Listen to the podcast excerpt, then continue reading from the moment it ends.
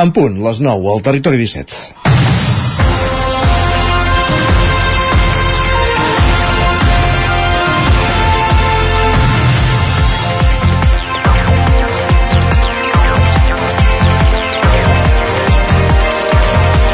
Bon dia. El de la seguretat és un tema que s'ha situat al nucli del debat polític. Vídeos de baralles al carrer, d'episodis de vandalisme o fins i tot de robatoris corren com la pólvora per grups de WhatsApp i es multipliquen a les xarxes socials. L'últim cas, el de la baralla amb Ganimets el cap de setmana passat a Vic, es va acabar amb quatre ferits. L'alcalde Albert Castells, en una entrevista al Nou TV, deia dijous que no s'ha de crear alarma, però admet que és un problema que li preocupa i dona prioritat màxima i assegura més que en aquesta qüestió hi ha hagut un excés de bonisme. El tema no és nou, sense anar més lluny. De fet, aquest cap de setmana hi ha hagut incidents també a Sant Feliu de Codines i Caldes de Montbui. En una enquesta feta l'any passat per la Diputació de Barcelona, més de 30.000 ciutadans de la demarcació ja s'alertava que el principal problema en la majoria de pobles i ciutats era la seguretat ciutadana, seguit de prop per la neteja i ja a molta distància el manteniment de carrers i el trànsit. Amb les eleccions municipals el debat es va accentuar i ara revifa. No només no passa res perquè se'n parli, sinó que és necessari parlar-ne. Ara bé, les posicions sovint es polititzen massa. Es polaritzen massa. En un extrem s'hi situen els que només exigeixen mà dura sense contemplacions i a l'altre els que no hi veuen cap problema. La realitat és complexa. Cada cas té la seva casuística. No es poden analitzar totes les situacions seguint el mateix patró. Ara bé, que aquests episodis generen preocupació és una evidència. Mirar cap a una altra banda no serveix de res. Existeix un problema i s'ha d'afrontar. Malauradament, però, ningú no té cap solució màgica, perquè de solució segur que no n'hi ha més d'una, sinó que és un intent seriós d'embridar. El problema passa per una suma d'accions. L'increment d'efectius policials en pot ser una, però la necessària intervenció policial s'ha de complementar amb altres accions en àmbits com l'educació, la cultura o els esports, aspectes que no tenen res a veure amb la seguretat, però sí amb les persones. I com ja s'ha defensat en altres ocasions des d'aquesta tribuna, els delictes s'han de castigar d'acord amb el Codi Penal i els comportaments incívics no es poden passar per alt, però el focus no es pot posar només en les conseqüències, sinó que també s'han d'atacar les causes. Combatre la pobresa, la desigualtat i l'exclusió són deures urgents. És dilluns 9 d'octubre de 2023 en el moment de començar el Territori 17 a la sintonia del 9 FM, la veu de Sant Joan, Ràdio Cardedeu, Ona Codinenca, Ràdio Vic i també Twitch, YouTube, el 9 TV, Televisió de Cardedeu i la xarxa més. Territori 17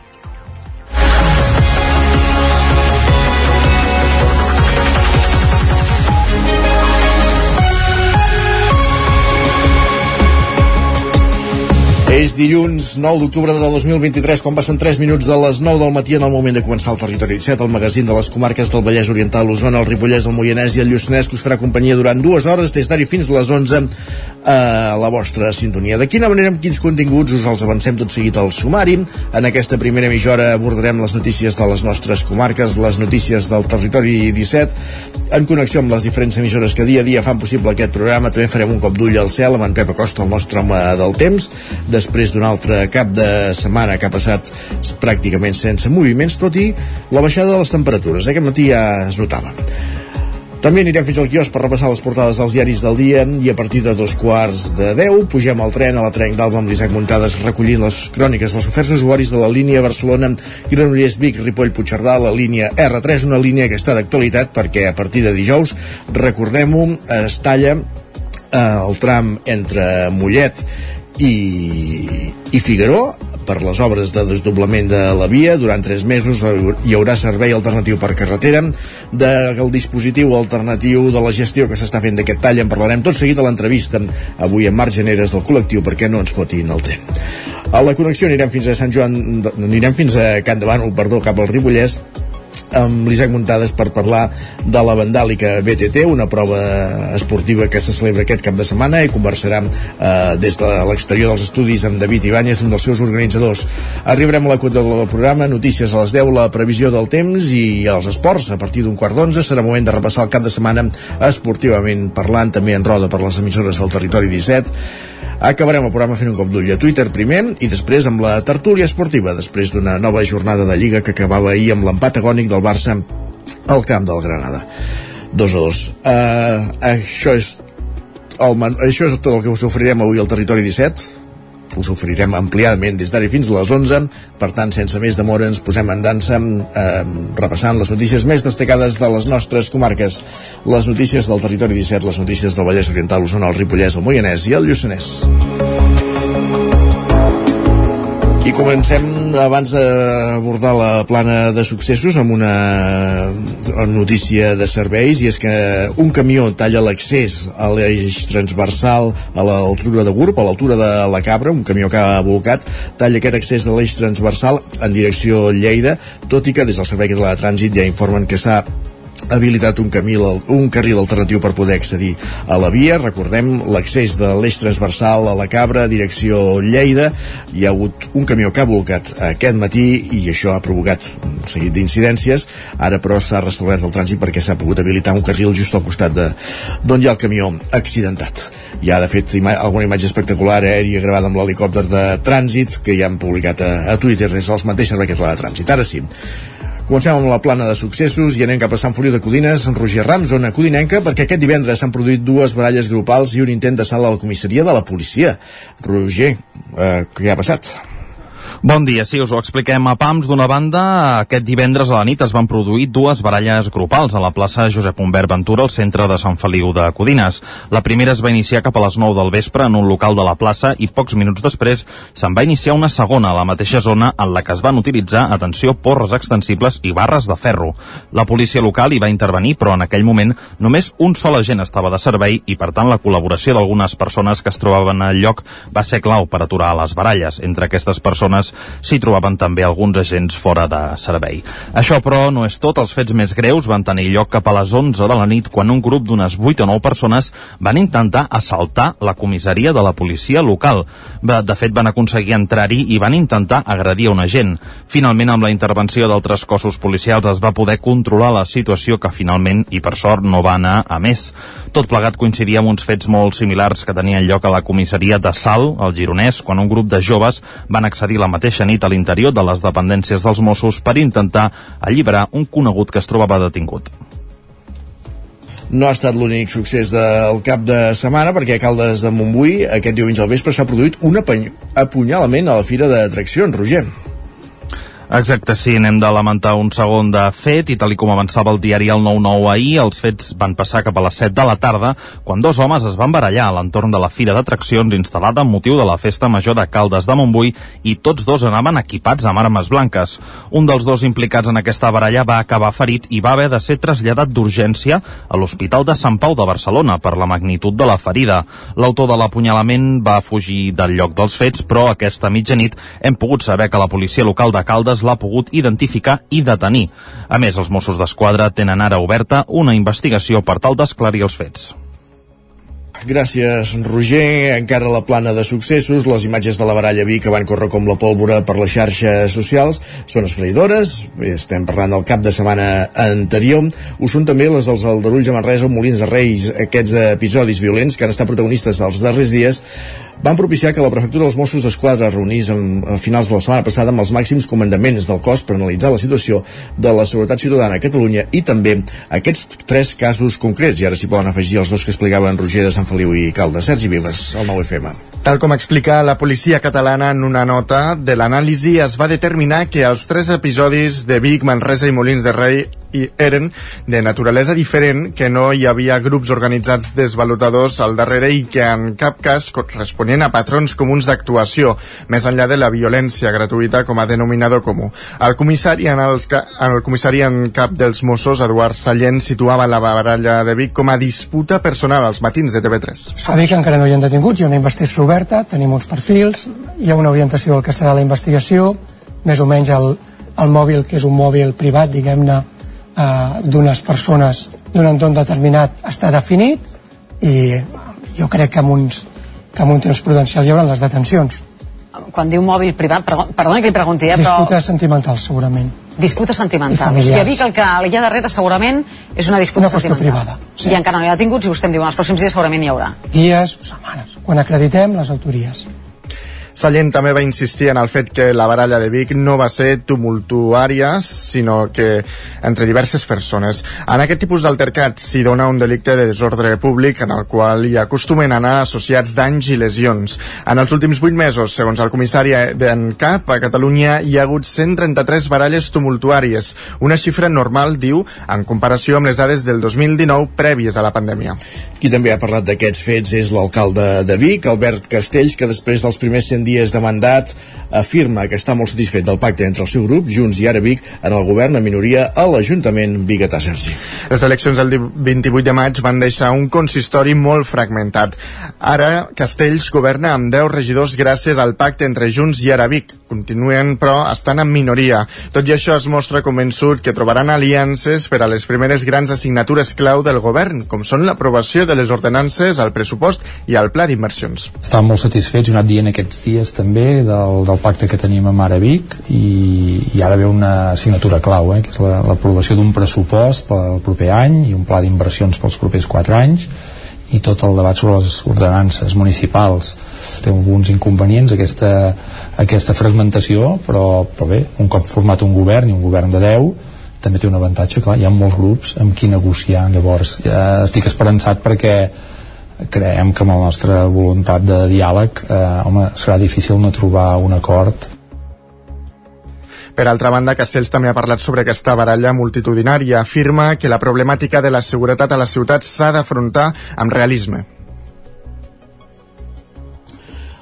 I un altre Albert, en aquest cas un altre ara exalcalde a Roda, Albert Serra i actual cap de l'oposició per ara Roda Pacte Local, plega de regidor després de 16 anys al consistori, Sergi. Deixarà l'acte de regidor que aquest mandat ocupava com a portaveu de la Roda Pacte Local que va obtenir tres regidors en les eleccions del 28 de maig. El motiu de la renúncia, segons diu, és per qüestions laborals m'agrada fer les coses ben fetes i com que no tinc disponibilitat de temps i no puc assistir doncs, a la majoria de plens i a la majoria d'actes, doncs eh, he optat per, per dedicar-me al meu món professional. De fet, ja fa molts anys que em dedico doncs, a, l'Ajuntament, al municipi, i per tant no deixo de, de treballar com a portaveu i cap de l'oposició el rellevarà el número 2, Esteve Frank, i Neus Busquets, que era la número 5 de la llista, entrarà a ocupar l'acte que deixa Serra, que insisteix que el projecte d'Anna Roda continua puja gent amb, amb molta empenta, gent que té molt de temps eh, i que en té moltes ganes i que per tant els, els projectes també necessiten una mica de renovació de persones, de noves idees, noves maneres de fer i per tant al, al revés, que eh, persones que poden doncs, substituir-me donar nou impuls doncs, en aquest gran projecte i nosaltres doncs, eh, des de darrere seguim treballant i seguint aportant doncs, la nostra experiència i el nostre gra de sorra perquè això doncs, doncs no continuï creixent aquest projecte eh? i de fet aquest projecte continua creixent. Albert Serra va entrar com a regidor el 2007. Ha estat al govern i a l'oposició i entre el 2015 i el 2020 va ser alcalde per IPR, Independents per al Progrés de Roda. El 2020, en plena pandèmia, l'expulsió d'un soci de govern i la posterior dimissió d'una regidora de Junts va deixar el seu govern en minoria i Esquerra el va desbancar de l'alcaldia a través d'una moció de censura. Ara fa un any, arran d'un episodi de la festa major en què se l'acusava d'un comportament masclista, el seu mateix grup va voler expulsar-lo. De fet, ell mateix mateix va anunciar que plegava però no ho va acabar fent. Posteriorment, amb les eleccions a la vista va aconseguir crear una nova formació que es va presentar sota el paraigües de PDeCAT amb la marca Ara Pacte, Ara Roda Pacte Local que ha pilotat fins ara. Gràcies, Sergi. Més qüestions encara en la plana política. Eh, el dimecres 18 d'octubre, l'Ajuntament d'Espinelves s'hi votarà una moció de censura contra l'actual alcalde, Joan Montserrat d'Espinelves per futur llista associada a Esquerra. De fet, eh, aquest alcalde, Joan Montserrat, es va estrenar el passat mes de juny. Tot apunta que s'acomiadarà abans d'arribar als 4 mesos de mandat per la moció de censura que han presentat els altres tres integrants de l'equip de govern. Dos són de la mateixa candidatura de l'alcalde, Josep Guixeras i Caterina Carol, que haurien declinat assumir l'alcaldia després de la moció, i el tercer és Antoni Tanyà, de Junts, que tot apunta que es convertirà en el nou alcalde. Consultats per aquest mitjà, ni Joan Montserrat ni Antoni Tanyà han volgut fer declaracions i s'han remès al ple de la votació de la moció de censura el dia 18. Els impulsors de la moció aleguen que han perdut la confiança amb l'alcalde. Les relacions entre Montserrat i els altres dos regidors d'Esquerra s'haurien deteriorat fins al punt d'arribar a discussions. Entre els motius pels quals els altres integrants del govern el qüestionaren a ell com a alcalde hi hauria que és veí de segona residència a Espinelves i que només se'l pot localitzar al poble en dies i hores concrets. També es dona la circumstància que Antoni Tanyà no era el cap de llista de Junts en les eleccions del 28 de maig i es va quedar com a únic representant d'aquest partit a l'Ajuntament després que la, que la número 1 dels postconvergents Núria Delgado decidís no perdre possessió com a regidora i el número 3 declinés entrar a l'Ajuntament. Les renúncies de Junts van motivar que sí que entrés a l'Ajuntament Francesc Bringuerel del PSC que es presentava en una de les llistes anomenades Fantasma. Bringuerel viu al Vallès Occidental tot un escenari rocambolesc el de l'Ajuntament de Calladenes. Gràcies, Sergi. Anem cap a Cardedeu, perquè la construcció de l'edifici d'ESO de l'Institut Escola Pallarola és la tercera obra en la programació dels serveis territorials i en el cas de no disposar de partida pressupostària per desenvolupar-la, es proposarà una via alternativa per poder-lo construir. Enric Rubio, Ràdio Televisió, Cardedeu. L'alcalde Eduard Ballonesta i el regidor d'Educació Albert Planes s'han entrevistat aquest dimecres amb el director general de Centres Públics Jean-Marc Sagarri Mauri i el director de Serveis Territorials de Maresma i Vallès Oriental Simó López Xirau per parlar de la construcció de l'edifici de l'ESO de l'Institut Escola Pallarola. Els representants del Departament d'Educació han confirmat que l'edifici d'ESO és la tercera obra prevista en la programació d'obres de serveis territorials de Maresma Vallès Oriental i que estan a l'espera que s'aprovi el pla d'encàrrecs d'actuacions per saber quines obres podran assumir pressupostàriament. En cas que l'obra de l'edifici de l'ESO no es pugui assumir amb el PA 2023, s'ha acordat una via alternativa per tirar endavant l'obra el més aviat possible. I és per això que l'Ajuntament i el Departament d'Educació s'han emplaçat a una segona reunió el dia 23 de novembre amb l'objectiu de traslladar la informació i, si és el cas, consolidar la via alternativa. Gràcies, Enric. Més qüestions per ella la continuïtat del cicle de teatre íntims de Ripoll. Isaac Muntades des de la veu de Sant Joan. Des de l'entrada d'Aliança Catalana al govern de Ripoll, la cultura a la vila ha patit una sèrie de sotregades per diversos motius. La dimissió en bloc de la Comissió de Festes, la no celebració del Festival de Música al Corral per motius econòmics, la marxa del Festival de Música Antiga dels Pirineus per motius ideològics, el perill que l'inspira desaparegui i l'últim problema l'ha patit el cicle de teatre íntims, que tots els partits de l'oposició han denunciat que pugui desaparèixer. El director del cicle cicle íntim, Jordi Pérez, va explicar que el passat 18 de juliol es van reunir amb la regidoria de Cultura per explicar-los que al setembre tenien l'última funció prevista, ja que les programacions acostumen a anar de setembre fins a finals d'estiu. Aquest cicle, a banda de diners de l'Ajuntament, també rep diners de la Diputació de Girona. Les subvencions van des de l'octubre fins a finals de setembre. La voluntat era continuar el cicle, però Pérez va veure una piulada de l'alcaldessa Sílvia Oriols on totes les funcions previstes al pressupost del 2023 ja s'havien fet. Abans d'això va haver una altra reunió al setembre. Ens varen plantar al setembre sense cap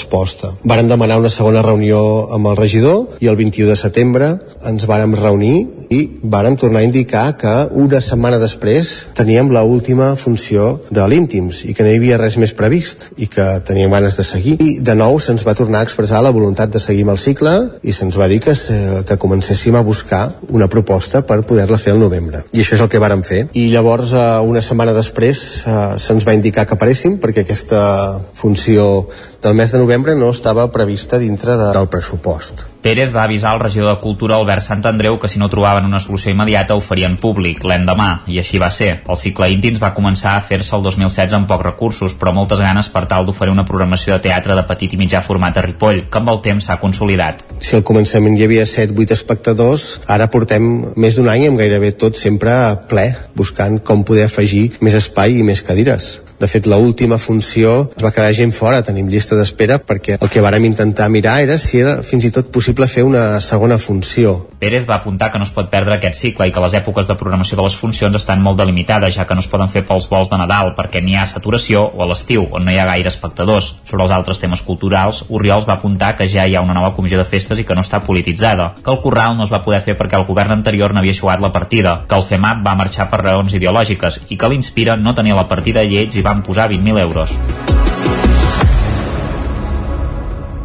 Gràcies, Isaac. Acabem aquí aquest repàs informatiu que començàvem al punt de les 9 en companyia d'Isaac Muntades, Enric Rubio, Roger Rams i Sergi Vives. És moment al territori 17 de saludar també l'home del temps, en Pep Acosta.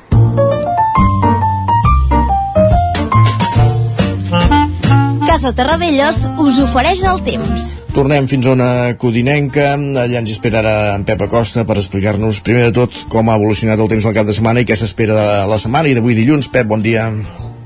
Molt bon dia. Com estàs? Per fi som dilluns. Content, ja ho veig, eh? Com ha anat el cap de setmana?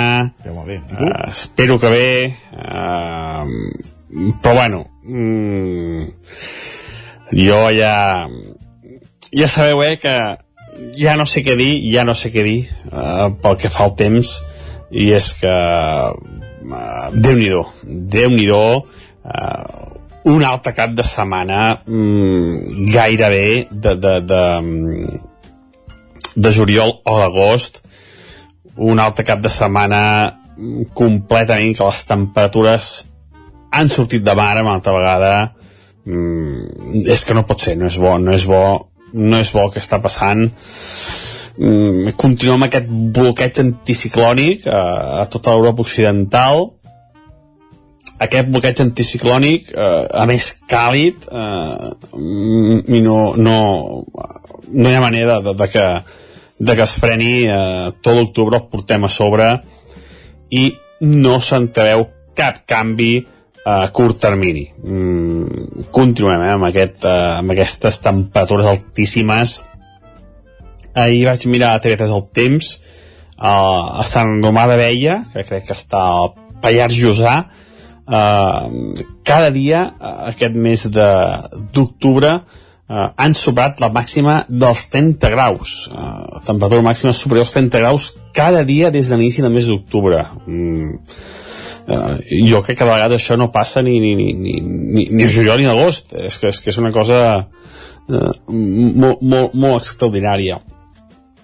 I avui, tornarem a superar els 30 graus a moltes zones. Uh, avui superaran els 30 graus a masses, a masses pobles, uh, calor, les nits sí que són una mica més fredes, uh, clar, um, el, la nit es va allargant, uh, més hores nocturnes que diurnes, i això fa que la temperatura baixi, uh, fins i tot per, sobre, per sota els 5 graus a les valls dels Pirineus, uh, però bueno, uh, moltes mínimes també superiors als 15 graus, uh, també les mínimes haurien d'estar allà a l'interior de les comarques haurien d'estar cap als 10 graus, eh, avui moltes superiors als 15 graus, eh, també estan ben desfassades les temperatures eh, mínimes. I com dèiem avui, eh, novament aquest bloqueig anticiclònic, eh, molt de sol, temperatures altes, quatre nuvolades esquifides que poden créixer, sense cap possibilitat de precipitació, i seguim aquesta tònica. Eh, veurem si s'entrarà algun canvi finals de setmana, eh, però sóc ben pessimista i anem veient amb el pas dels dies què pot passar. Moltes gràcies, bon dilluns i molt bona setmana. Tenim una setmana per endavant eh, per disfrutar-la i intentem aprofitar al màxim. Adeu, bon dia. És el que hem de fer. Gràcies, Pep. Parlem d'aquí una estoneta. Casa Tarradellas us ha ofert aquest espai. I, i saber, sabut com serà el temps o com ens espera la setmana meteorològicament parlant, el que fem és anar cap al quiosc.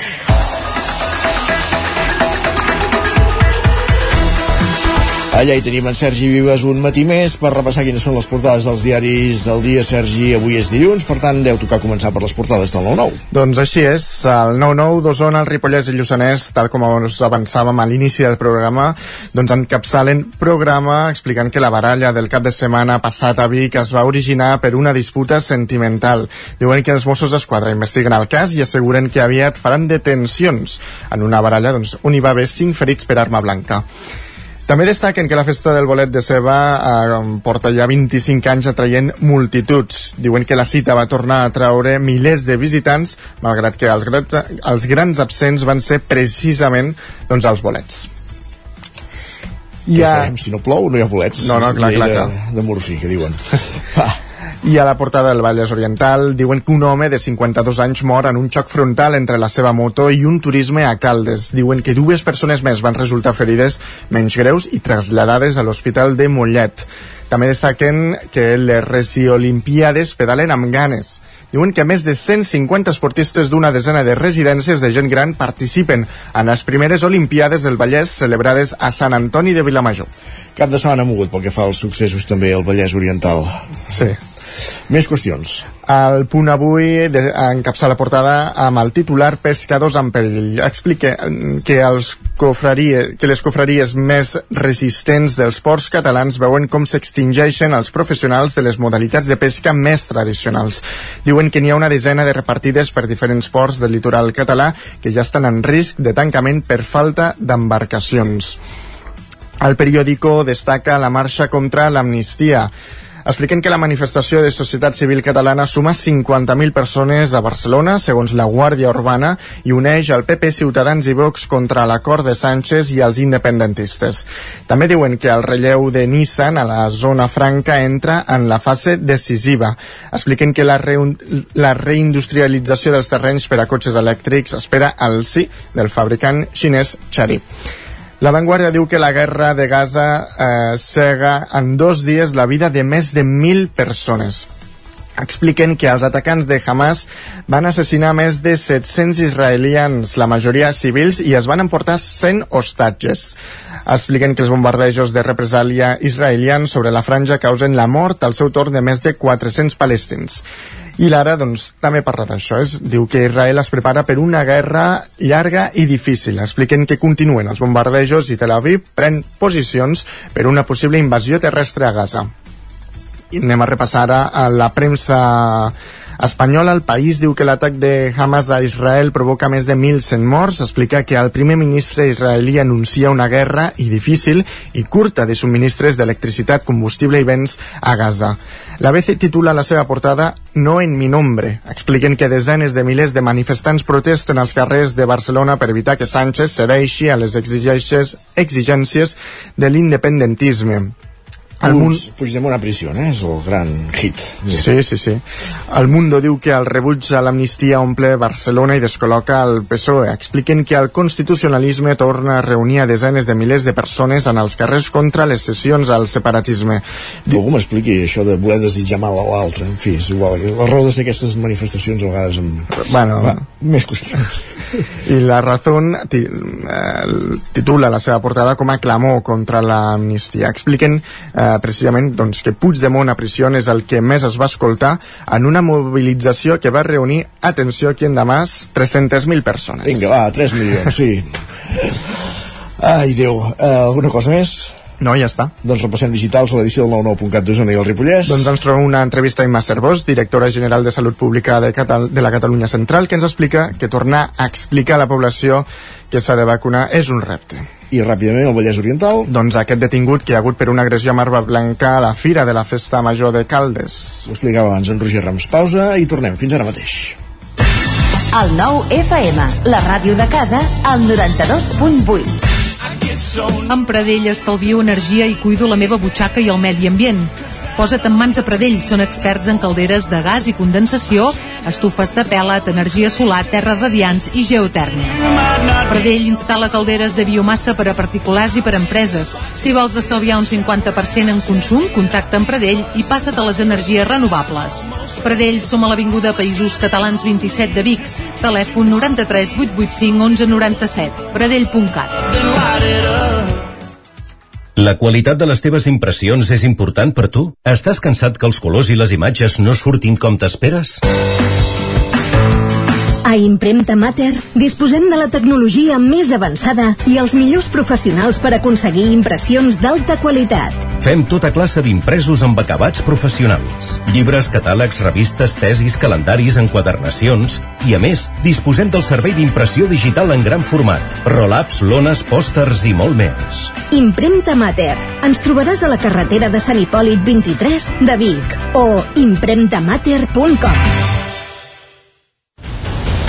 Nova convocatòria de 850 places a Mossos d'Esquadra, amb la reserva del 40% per a dones. Ara pots formar part de la Policia Integral de Catalunya. Som compromís, vocació de servei i proximitat. Ens faltes tu. Més informació a mossos.gencat.cat barra convocatòria Mossos. Presentació de sol·licituds fins a l'11 d'octubre. Generalitat de Catalunya. Sempre endavant. Quan tingui un problema amb la seva caldera, vagi directament a la solució. Truqui sempre al servei tècnic oficial de Saunier Duval i despreocupis, perquè som fabricants i coneixem les nostres calderes peça a peça. I ara aconseguiu fins a 300 euros en canviar la caldera. Informeu-vos al 910 77 10 50 o a saunierduval.net. Hasta luego, cocodrilo. El programa Cocodril Club arriba als 30 anys en antena. Vine a la festa d'aniversari. La celebrarem el diumenge 22 d'octubre de 18 a a 22 hores a la discoteca Barrocos, Aribau 242 Barcelona, amb les cançons que més us agrada ballar de tots els temps. Actuaran com a padrins Leslie del Cirex. Maldigo mi destino. Mi estrella se eclipsó. I Santi Carulla dels Mustangs. El diumenge 22 a partir de les 6 de la tarda a la discoteca Barrocos Aribau 242 de Barcelona 30 anys de ràdio 30 anys plens de bona música 30 anys de... Cocodril Club el programa revival de l'Albert Malla Hasta luego, cocodrilo. el 9 FM la ràdio de casa al 92.8 Territori 17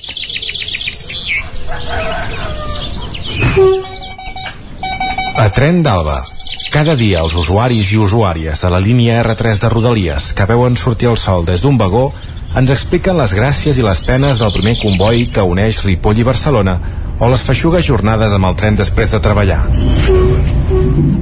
Benvinguts a Tren d'Alba. Com ja sabeu, aquest 12 d'octubre i fins a la segona quinzena de gener, en el marc del Pla Transformem Rodalies, Adif executarà les obres del desdoblament de la línia R3 entre Parets del Vallès i la Garriga. Aquesta actuació comporta la interrupció de la circulació ferroviària entre amb dues estacions. Aquests dies us explicarem una mica com anirà. Comencem, si us sembla, parlant dels trens que aniran entre l'Hospitalet de Llobregat i Parets del Vallès i Mollet del Vallès. Es prova una oferta amb freqüència de cada 30 minuts cada dia de la setmana, facilitant les connexions entre el tren i el servei d'autobús. Per a mantenir aquesta freqüència, dissabtes, diumenges i festius, s'incrementarà l'oferta habitual en 7 trens per sentit. També es manté el mateix horari de servei respecte a l'oferta habitual a Barcelona i l'horari de finalització de servei s'amplia en 70 minuts per garantir les últimes connexions d'autobús i tren. Pel que fa al Figaró i Puigcerdà i la Tour de Carol, s'amplia el servei de Vic i Ripoll uns 60 minuts al tancament per a garantir els últims transbordaments i els horaris es desplacen entre 4 i 10 minuts respecte a l'oferta actual. Per garantir la mobilitat dels clients, Renfe establirà un servei alternatiu per carretera i reforçarà durant les hores punta el personal d'informació i atenció al client com la seguretat en les estacions de tram. Els pròxims dies també us parlaré una mica del servei alternatiu per carretera. Ara escoltem la crònica d'en Jordi Valls, que com no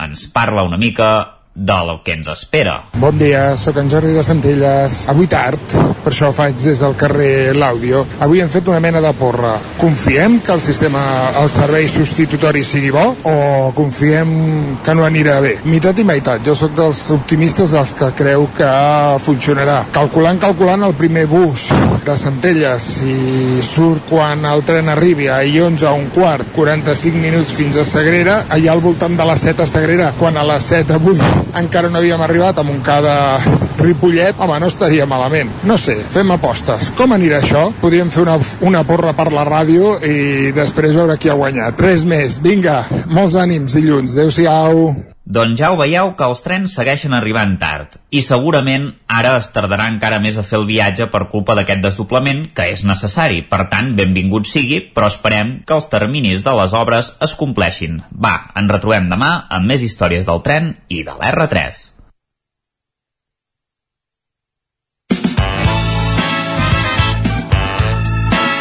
Territori 17 3 minuts que passen de dos quarts de 10 del matí.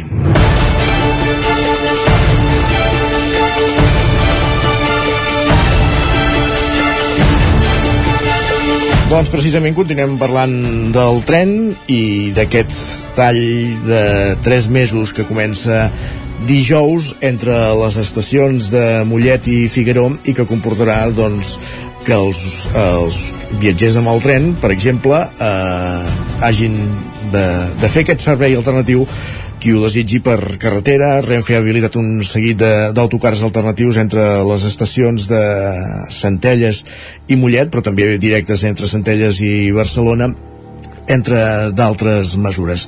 Per valorar eh, si aquest servei alternatiu que, que presenta Renfe, que de fet eh, el director del servei del Ministeri presentava dijous a, a Vic davant els diferents agents implicats, administracions, però també col·lectius d'usuaris, tenim a l'altra banda del fil telefònic un dels portaveus del col·lectiu perquè no ens fotin el tren, Marc Generes. Benvingut, bon dia. Hola, bon dia. Uh, arriba aquesta data clau, feia molt temps que dins l'agenda perquè no ens fotin el tren ho anau advertint, que hi hauria aquest tall de, pel desdoblament, que esperàveu informació per qui serien els serveis alternatius. Aquesta informació ha anat arribant, segurament més tard del que voldrien, i hi havia aquesta compareixença di, dijous a, a, a Vic. Primer de tot, uh, hi ha aquests serveis alternatius que ja avançava la setmana passada a, a Renfe, a DIF i al Ministeri d'aquests autocars entre Centelles i, i i Mollet eh, amb l'opció de fer parada a tots els municipis on hi ha estació però també hi ha via directa entre Centelles i Barcelona. Eh, seran suficients? Eh, considereu que aquesta és la resposta necessària a un tall d'aquesta envergadura que tindrà la línia tallada durant 3 mesos? Sí, com, com deies, aquesta informació arriba, arriba tard i coixa també eh, tard, perquè és això, just dijous al vespre ho presentaven, divendres començava a sortir a, la, a les xarxes eh, de, de Rodalies i a una setmana vista informar d'una transformació així que afecta, que la gent s'ha de planificar, que la gent ha de poder preveure, quan és una cosa planificada de fa mesos, fa mesos que insistim i no hi ha hagut manera. Però bueno, al final ho tenim aquí, eh, s'ha anunciat, ara ja els està bastant clar la proposta, tot i encara per la informació hi ha algun error i alguna indefinició.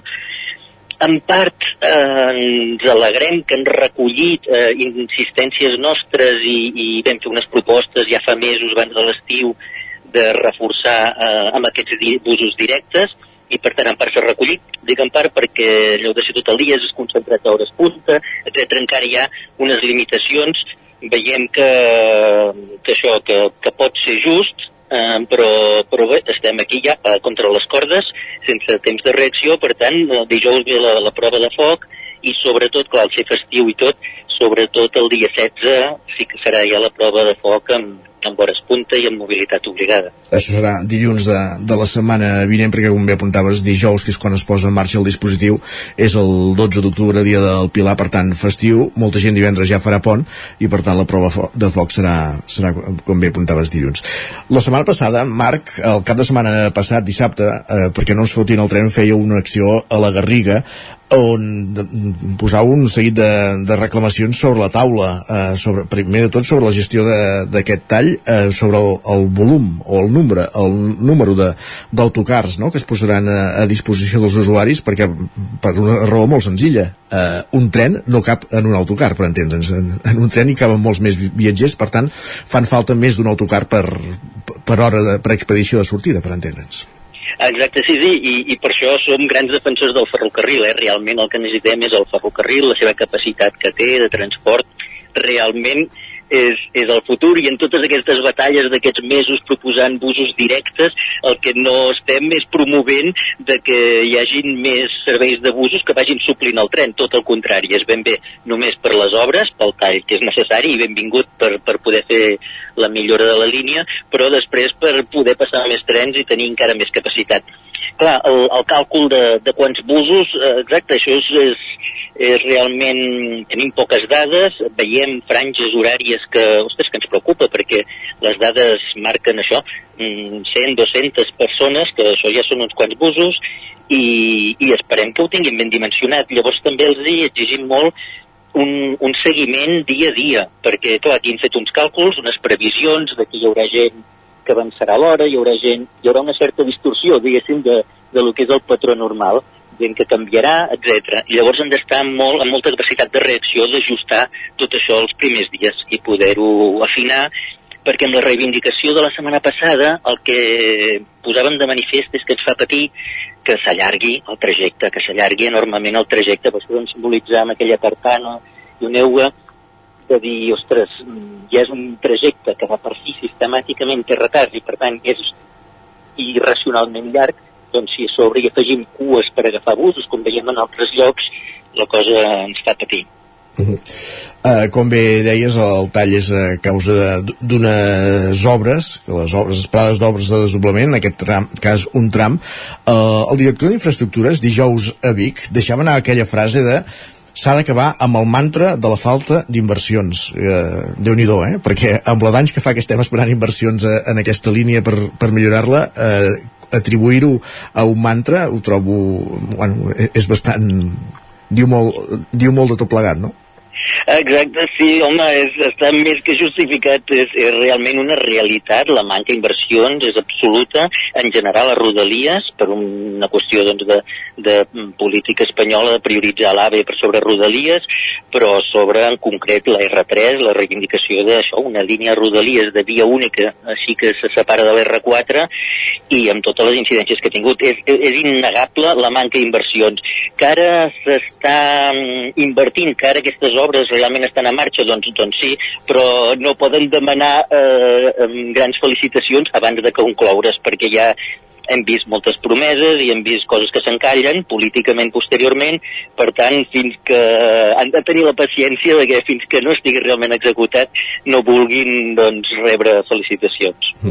Uh, L'acte aquest que comentàvem de dissabte a la Garriga també demanava un reforç de l'E12. La consellera Esther Capella anunciava que hi haurà més autocars entre Vic i Barcelona uh, a finals de la setmana passada. Uh, tot reforç és, és poc per entendre'ns, no, diguéssim, perquè de, de fet, com el que dèiem abans, són molts els usuaris afectats i faran falta molts, moltes alternatives. Sí, eh, aquí en concret l'E12 fa patir doncs, que, clar, evidentment, usuaris de, del tren de Vic o, o una mica més amunt puguin fer aquest traspàs per evitar la problemàtica més avall del tall i ja tenir aquest servei directe que, que comparativament és més fiable. Eh, lamentablement eh, és més fiable que, que l'R3, que pensem que és una llàstima que hi hagi aquest servei que, que vagi absorbint eh, usuaris del tren, simplement perquè és més fiable. Per tant, és previsible que hi hagi gent i el que no pot ser és que han sortit penalitzat doncs, eh, tota aquesta línia d'autobús, que a més a més surt de l'estació però després fer una parada a la Punzella, si surt ja ple eh, doncs tots els usuaris de la Punzella veuran passar autobusos plens sense poder pujar, aquí pot haver-hi un, una problemàtica important i és titularitat de la Generalitat i tampoc movia fitxa. Eh, la reunió de dijous, precisament, eh, a petició i pregunta directa nostra, doncs sí, van dir que preveien fer un reforç que no està definit sobre horaris i esperem que, que sí, que sigui i que estiguin molt amatents a que sigui efectiu. I, I encara li proposàvem també reformes, poden fer reforços amb autobusos al Vallès. Per exemple, la línia 416, que, que podria descarregar una mica Figaró, la Garriga cap a l'R2, la línia R2 a Granollers. Hi han solucions complementàries o fins i tot de bus urbà que a Granollers que Novelles doncs, els usuaris vegin clar que amb un bus urbà se'n van a l'altra línia. Hi ha solucions que tothom pot contribuir eh, els que pugeu al tren cada dia i que converseu eh, amb, amb altres usuaris de, del servei, què es comenta aquests dies? Quines alternatives es plantegen els usuaris? Eh, ja agafar l'E12 directament des de Vic, intentar eh, arribar de Vic a Centelles, eh, arribar fins a Centelles i a Centelles doncs, eh, plantejar-se aquest, aquests autocars alternatius? Hi ha una mica de, de tot en cada cas o, o, o hi ha alguna opció que, que preval sobre les altres? No, no està clar perquè és que el que hi ha és bàsicament neguit, eh, neguit d'incertesa, perquè és això, fins divendres no es va començar a saber, eh, sí que ha començat eh, aquest cap de setmana a sonar a megafonia, algun avís de que això venia, però és que era invisible aquesta, aquest tall, diguéssim, molts usuaris doncs no, no, no ho sabien i s'ho trobaran d'un dia per l'altre, perquè tot just ara s'està comunicant, s'han de penjar els cartells, no n'hi ha cap encara de penjat, etc etc.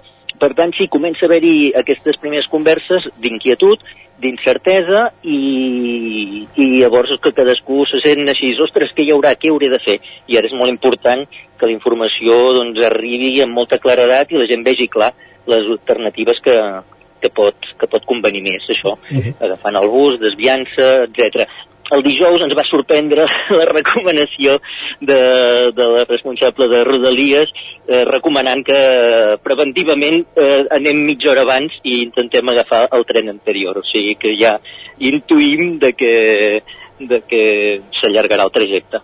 Per tant, potser si arribes l'hora, el que aconseguiràs és agafar el tren anterior, també, no? Exacte. Uh, ja, per, ja per últim, uh, això arribava a aquesta reunió al, al final d'una setmana en què el servei de reduïdes va tornar a ser, va tornar a, a fallar, va haver incidències diverses, per exemple la, la de l'enganxada del tren amb la catenària entre Sant Quirze i Ripoll. Aquí fins i tot, mm, aquí, aquí rebíem informació errònia sobre a partir de quina estació estava tallat el servei.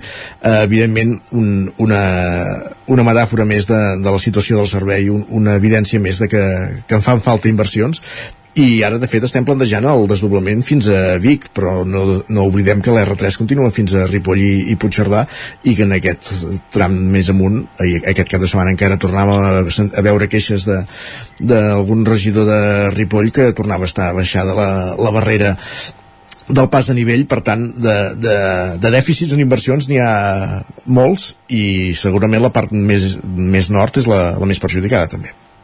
Exacte, no es pot oblidar aquesta part nord perquè el pla de Rodalies doncs, contempla tot aquest desdoblament fins a Vic, com deies, que afortunadament no és un pur desdoblament, realment hi ha millores associades, no només posar dues vies, sinó que actualitzar coses i, i realment ha de ser així, perquè si no seguiríem amb, amb tota la problemàtica simplement amb doble via, però no ens hem d'oblidar tota la part nord. I això en el dijous també, exacte, la reunió de dijous, mm, que hi havia molts alcaldes i consells comarcals presents, precisament de, de Vic en amunt doncs van sortir distants veus eh, reclamant això, que no s'abandoni la part de dalt, que també es facin inversions, perquè hi ha molt a fer, encara que no es desdobli, doncs facilitar els encreuaments, eh, fer més fiable, simplement, més fiable la infraestructura, que no hi hagi aquestes enganxades de catenària, que aquest any en portem moltes, també n'hi va haver la Molina, etc eh, etc. També, mm, bueno, incidències de tota mena a aquest tram de dalt i s'hi ha de treballar. Sí, sí, també estem amatents amb això. Marc Generes, doncs, a partir de dijous o dilluns, que és el dia que serà més intens d'aquest inici del servei alternatiu a, a les obres de desdoblament d'un tram de la línia entre R3, entre eh, Mollet del Vallès i, i Figaró, i que evidentment patiran els usuaris a partir de dilluns, on anirem seguint i n'anirem parlant. Moltíssimes gràcies per atendre'ns avui aquí al Territori 17. Moltes gràcies a vosaltres. Bon dia. Adéu, bon dia. Nosaltres que avancem, quan va minut de 3 quarts de 10, anirem tot seguit fins a Can de Bànol.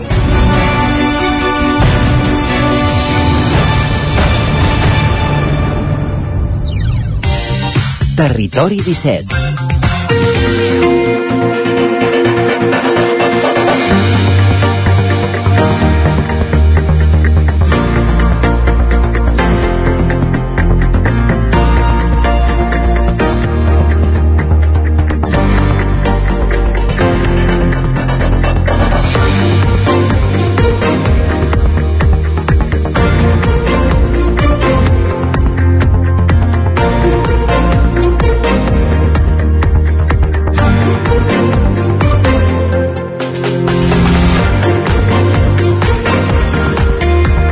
com bé dèiem a l'inici del programa, com bé sabeu d'aquesta temporada, ens agrada sortir al carrer al territori 17, conèixer iniciatives arreu de les nostres comarques i avui ens desplacem fins a Can de Bànol.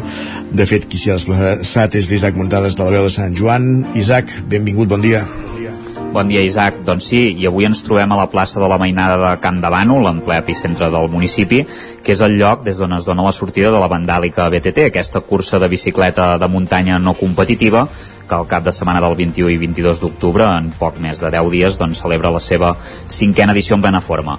La prova, que està organitzada per la Unió Ciclista Can Davant, es va recuperar l'any passat, després de dos anys aturada per la pandèmia de la Covid-19, i compta amb 300 places entre els tres recorreguts que, que es disputaran aquell cap de setmana. Hem de dir que les inscripcions encara estan obertes o estaran uns dies més, i avui eh, hem vingut aquí a Can Davant, la plaça Mainada, per parlar amb el president de la Unió Ciclista Can Davant, en David Ibáñez, que a més a més ens donarà més detalls de, de la prova. Bon dia, David, i moltes gràcies per ser amb nosaltres al Territori 17. Bon dia, Isaac.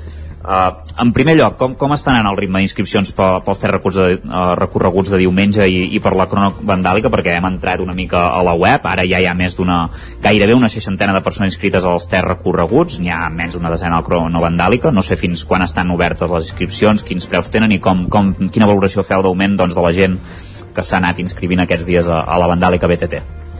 Bon dia, doncs mira, de moment les inscripcions estan molt repartides dintre les tres marxes que tenim. Li dic, hi ha una vintena de participants a cadascuna d'elles i de moment estem bastant contents perquè estem al, mateix ritme l'any passat i calculem que passem del centenar mínimament. Mm -hmm. Està molt bé. Uh, llavors volia preguntar això, qu qu fins quan les teniu obertes? Quan, fins quan la gent s'hi pot inscriure? Em sembla que no hi ha inscripcions de dia pel que tinc entès i, i quins preus tenen ara aquests dies? Inscripcions de dia no n'hi ha de moment estaran obertes encara fins mitjans finals de la setmana que ve, fins al dia, dia 18-19 d'octubre. i els preus estan, ronda, estan als 20-22 euros depèn de si estàs federat o no estàs federat David, bon dia. David, bon dia. Si no tenim sí, mal entès, no eh, enguany hi ha una novetat important i és que hi ha tres recorreguts diumenge i no dos com fins ara. Comencem pel recorregut més llarg. Com serà la, la vandàlica extrem i, i per a qui està destinada? Bon dia, Isaac. Sí, sí, com bé, com bé dius, avui la novetat d'aquest any és que hem fet una vandàlica extrem que, bueno, veient les crítiques que hem tingut dels corredors que volien alguna mica més exigent, hem decidit, hem decidit fer una ampliació de la, de la que és la marxa llarga per aquesta gent que volia una mica més d'exigència en pujades i baixades i va destinada sobretot a gent que, tingui, que, sigui, que estigui molt, molt entrenada i que tingui molta tècnica amb la BTT. Mhm. No sé quants quilòmetres al desnivell estem parlant. El recorregut més o menys sabem que sempre es manté en secret una mica els solitaris, però no sé per quina zona tirarà. Una mica saber aquestes dades perquè em sembla que també és interessant, eh? perquè no, no varia molt, després en parlarem de la vandàlica llarga i això, però no, no varia molt el recorregut, em sembla. No, la, o sigui, realment l'extrem és una ampliació de la marxa llarga, eh, amb un cert punt es, es desvien per fer 4 o 5 quilòmetres eh, amb, una, amb molta més exigència per després tornar a sonir amb la mateixa marxa llarga i continuar el mateix recorregut eh, fins al final. Mm -hmm. Estem parlant això eh, dels 36 quilòmetres aproximadament i de desnivell no sé com, com està. Sí, eh, estem parlant d'uns 36-37 l'extrem i uns 33 la llarga amb una, una pujada considerable de desnivell, això sí. Mm -hmm precisament, eh, parlem de, dels recorreguts eh, clàssics. No sé quines dificultats tenen en guany. Hi ha, hi ha dos recorreguts, Uh, explica'm una mica doncs uh, què, què ens trobarem perquè hi ha el, el curt i el llarg per dir d'alguna manera no? Doncs, mira, com he explicat ara amb l'extrem, la, la llarga és un recorregut exigent, bastant exigent, com, com portem ser fent aquests anys, amb molta trialera, perquè la gent veiem que els agrada molt els camins, i la pista sobretot és d'enllaç de trialera a trialera. Llavors la curta sí que ja és més, és, són 17 quilòmetres, 16-17 sortiran, aquest any sí que hem de remarcar que és una miqueta més exigent que els anys anteriors, un nivell mig, però creiem que és, que és accessible per tothom. Bicis elèctriques hi poden participar? Sí, sí, tant. Tenim ja una, dels 60 inscrits, una quinzena són bicicletes elèctriques. De fet, clar, la prova no és competitiva, per tant no hi ha classificació no, eh, diferenciada, per entendre'ns, no? No, no, no hi ha cap classificació diferenciada, però bueno, eh, sí que nosaltres, eh, per tenir una mica controlat la gent que va amb elèctric, en bicicleta elèctrica i en bicicleta normal, sí que fem una mica de diferenciació, però vull dir, estarà a la mateixa classificació tots. Mm -hmm. Després parlarem, si vols, una mica de, dels premis. Evidentment, eh, tenim aquestes tres curses que, que són els que ocupen la majoria dels participants, on el gran gruix de participants, doncs, sobretot, entre calculem que entre la llarga i la curta, no? sobretot, tot i que a l'extrem déu nhi la gent que, que s'hi està apuntant, com comentaves. Mm, dissabte també tenim la, la cronovandàlica. Aquesta sí que sap el recorregut, en què consisteix, quants quilòmetres té, és, si és dura. Explica'ns una mica per on va. Doncs la cronovandàlica sí que és, diguem, diguem la nostra prova competitiva de, del cap de setmana, que és una cronoescalada que comença des de la plaça de la Mainada, on estem avui reunits amb l'Isaac, fins a dalt a Sant Pere d'Uira, on són 7 quilòmetres de pujada amb 350-360 metres de desnivell acumulat i, i és bastant exigent, la veritat. Uh -huh. és, és una prova, a més a més, eh, que això que va fins a, fins a Sant Pere d'Uira, per, per camins així de, de terra, vull dir, bastant, bastant assequible en aquest cas, i, i es fa dissabte a la tarda, eh, això sí que ho hem de, de comentar. Eh? Um, aquest any no sé si tindrem uh, corredors coneguts o, o promeses del ciclisme participant a les, a les diferents proves no sé si tindrem això, eh, una mica de, de nivell, però em sembla que cada any sempre intenteu portar algú, eh? Sí, cada any intentem portar sempre algú de renom. Aquest any nosaltres, per, el no, per el que és el nostre club, sí que tenim promeses que, que, que, sí, que no són promeses, que ja són, ja són presents, com, com l'Abril Roma o l'Aina Sánchez, que són sòcies nostres, que estan a un nivell molt alt amb la categoria cadet de ciclisme, de, de BTT, o el Guillem Coromina, que també ho està fent molt bé a, les, a la seva categoria. Mm -hmm. Mm -hmm. Digues, digues, digues, Isaac. És que ara aprofitant això m'ha vingut al cap, perdona, eh, Isaac. Doncs continua, el, continua, continua, continua. no, que hi havia un tema també que em sembla que venia un equip navarrès, no? També em sembla que, que sol venir el, el Conor Saltoki, eh, i no sé si també tindrem algun d'aquests equips aquest any o, o algun corredor, perquè hem de recordar que la Vandàlica és una prova tan important que hi, va, hi ha un corredor que aquest any ha corregut la Vuelta, que ho ha fet bastant bé, que es diu Abel Balderston, que em sembla que competia amb el Caja Rural, que va córrer la Vandàlica. Sí, aquest noi va córrer la Vandàlica fa uns anys, ens va, gràcies a, al Carles Torrent, que ens el va fer inscriure, eh, va ser un, bueno, per nosaltres va ser un impuls molt, molt gran amb inscripcions, perquè clar, és, ja és un corredor de renom, i com deies tu també l'equip Saltoki aquest any també el tindrem present, el més segur, no sabem encara amb quants corredors, però eh, estem oberts a que ens vingui gent de tots els nivells. Tot teu, eh, Isaac, el David t'escolta. No, no, només volia preguntar per l'organització de la cursa. Evidentment, quan es fan proves com aquestes fan falta moltes mans. Quants voluntaris, eh, amb quants voluntaris compteu, diguéssim, per, per poder que, perquè surti tot com ha de sortir?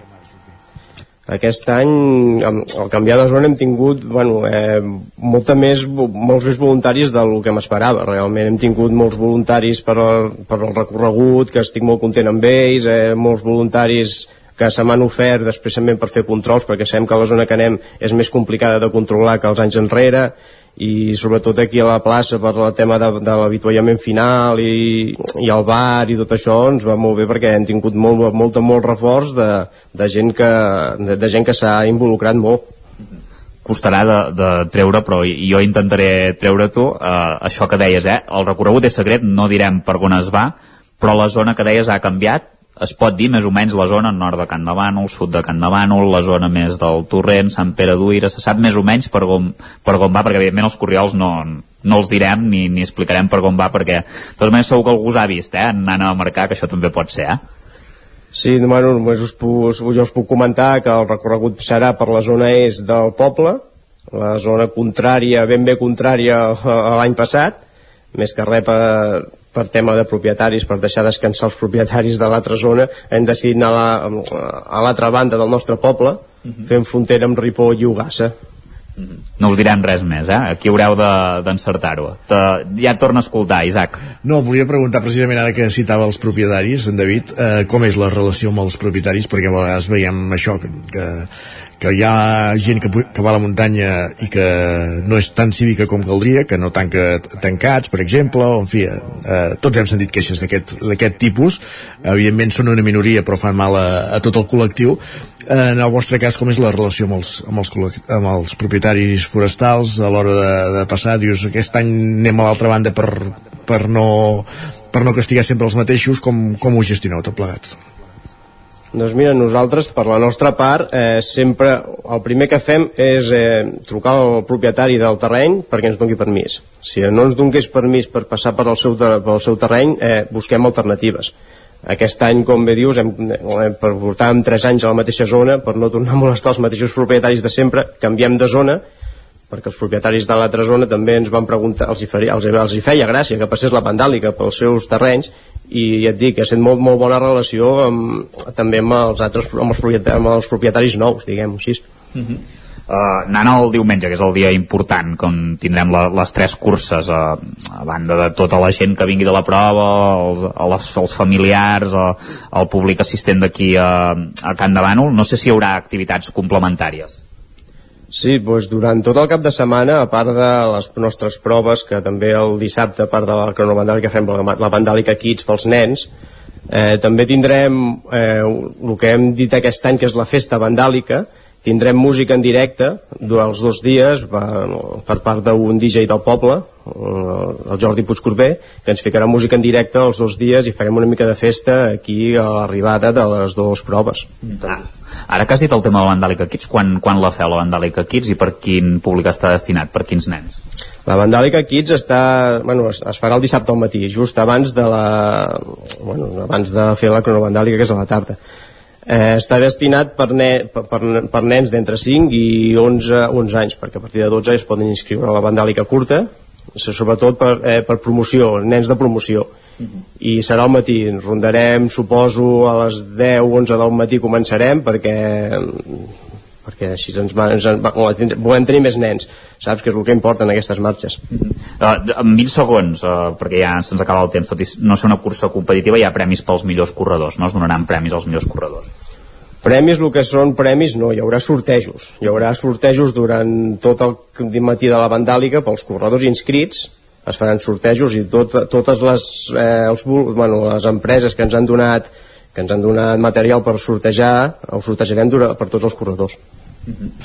La Vandàlica BTT en aquesta cursa de bicicletes no competitiva, de fet, eh, d'aquesta matinal o aquesta jornada ciclista no competitiva, al cap de setmana del 21-22 d'octubre a Can de Bànol, n'hem parlat amb un dels seus promotors, organitzadors, en David Ibáñez, que alhora és el president del, de la Unió Ciclista Can de Bànol.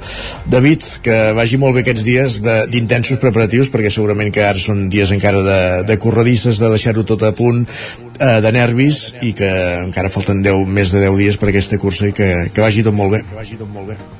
Moltes gràcies, Isaac. Sí, sí, com dius tu, estem, estem a punt ja de rematar-ho tot. Doncs va, que així sigui. Doncs va, que així sigui. Gràcies també, Isaac, per acompanyar-nos un matí més. Un matí més. A vosaltres, fins ara. Bon dia. Bon dia. I amb la connexió amb aquesta sortida a l'exterior, en aquest cas a Can de Bànol, arribem al punt de les 10 al territori 17. Serà moment de posar-nos al dia, d'actualitzar-nos amb les notícies més destacades de les nostres comarques.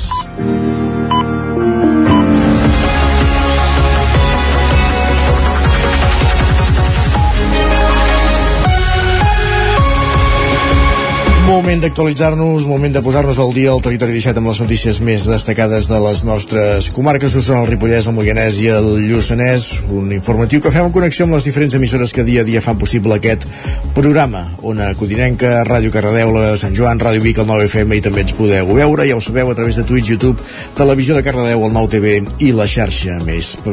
Abans d'avançar en aquest eh, repàs informatiu, una informació de servei d'aquest camió que dèiem que havia volcat a l'accés de l'eix transversal a l'altura del Camp de la Cabra, a la carretera de Manlleu, des de la carretera de Manlleu cap a l'eix transversal en sentit Lleida hi, havia un, hi ha un camió volcat, aquest accés està tallat al trànsit per les tasques de, de, de recuperació de, de la via, de retirada del vehicle. El que sí que podem afegir és que el conductor del camió ha resultat il·lès a causa d'aquest accident Dit això, eh, el que fem, com dèiem, és endinsar-nos en l'actualitat de les nostres comarques. Eh, qui no va tenir tanta sort, encara en l'àmbit dels accidents de trànsit, un motorista moria aquest dissabte en un accident a la carretera C59. Un accident més, Roger Rams, Ona Codinenca. Exacte, el sinistre va tenir lloc poc abans de la una del migdia, al quilòmetre 12 de la carretera C59, a l'alçada de Can Valls, al terme municipal de Caldes de Montbui. La moto amb la que circulava la víctima va patir un xoc frontal contra un turisme. El fort impacte li va produir una important fractura oberta i, conseqüentment, una parada cardiorespiratòria. Fins al lloc dels fets s'hi van desplaçar fins a quatre unitats del Servei d'Emergències Mèdiques, quatre patrulles dels Mossos d'Esquadra i una dotació dels bombers de Caldes. Els sanitaris van practicar diverses maniobres maniobres al motorista sense èxit, que va acabar morint, com dèiem, a l'acte. La víctima és un home de 52 anys i veí de Ripollet. A més, dues persones més van resultar ferides i traslladades a l'Hospital Comarcal de Mollet. Tot plegat ha tingut lloc en un dels punts catalogats com a negre de la carretera C59 per l'acumulació d'accidents en aquest tram situat al sud de Caldes de Montbui. En aquest sentit i per mirar de revertir la situació, la Generalitat va anunciar fa uns mesos la construcció d'una rotonda per evitar creuaments de carrils, tal com es produeix ara, i alhora també reduir la velocitat en aquesta zona. Doncs malauradament hem d'afegir una víctima més a la llista d'accidents mortals de les carreteres del nostre país, en aquest cas la C-59, com bé apuntava en Roger, una carretera ja recurrent amb aquest tipus de, d'accidents. Gràcies, Roger. Més qüestions. Avancem al territori 17. Tornem cap al Ripollès perquè hi ha hagut queixes de l'oposició perquè l'equip de govern de Ribes de Freser va portar una modificació de crèdit al ple de 265.000 euros a última hora i sense avisar-los. Isaac Muntades, tornem a la veu de Sant Joan. El nou mandat a Ribes de Freser, una altra vegada amb Junts per Ribes al capdavant, no ha portat la pau social al ple. Els dos grups a l'oposició, la CUP i Tots Fem Ribes Esquerra Republicana de Catalunya, van recriminar-li a l'alcaldessa Mònica Sant Jaume que incorporés dos punts d'urgència al darrer plenari sense pràcticament poder consultar-los. En el segon, que era una proposta perquè els bombers voluntaris tinguessin una cobertura sanitària i unes condicions dignes pel desenvolupament de la seva tasca, van votar-hi a favor, però el primer, que era una modificació de crèdit, van fer un contra. L'alcaldessa va demanar disculpes perquè no era un procediment habitual, però també va recordar que s'havia informat l'oposició que s'estava treballant en la modificació. Sant Jaume justificava així. De fet, saben perfectament que els òrgans col·legiats s'han de convocar amb 48 hores d'antelació. Des de fa 4 anys convoquem la informativa i el ple amb una setmana d'antelació perquè puguin veure tots els documents i per tant, doncs, com els he posat abans, tinguin 10 dies llargs per poder veure aquesta documentació. Sí que és veritat que hi ha la franja de que quan s'acaba la informativa fins que es convoca el ple no són més de 24 hores, però bueno, tenen la, la informació i per tant, doncs, reiterant les meves disculpes. La modificació de crèdit era de 265.000 euros, una xifra important que va posar en alerta els dos partits de l'oposició.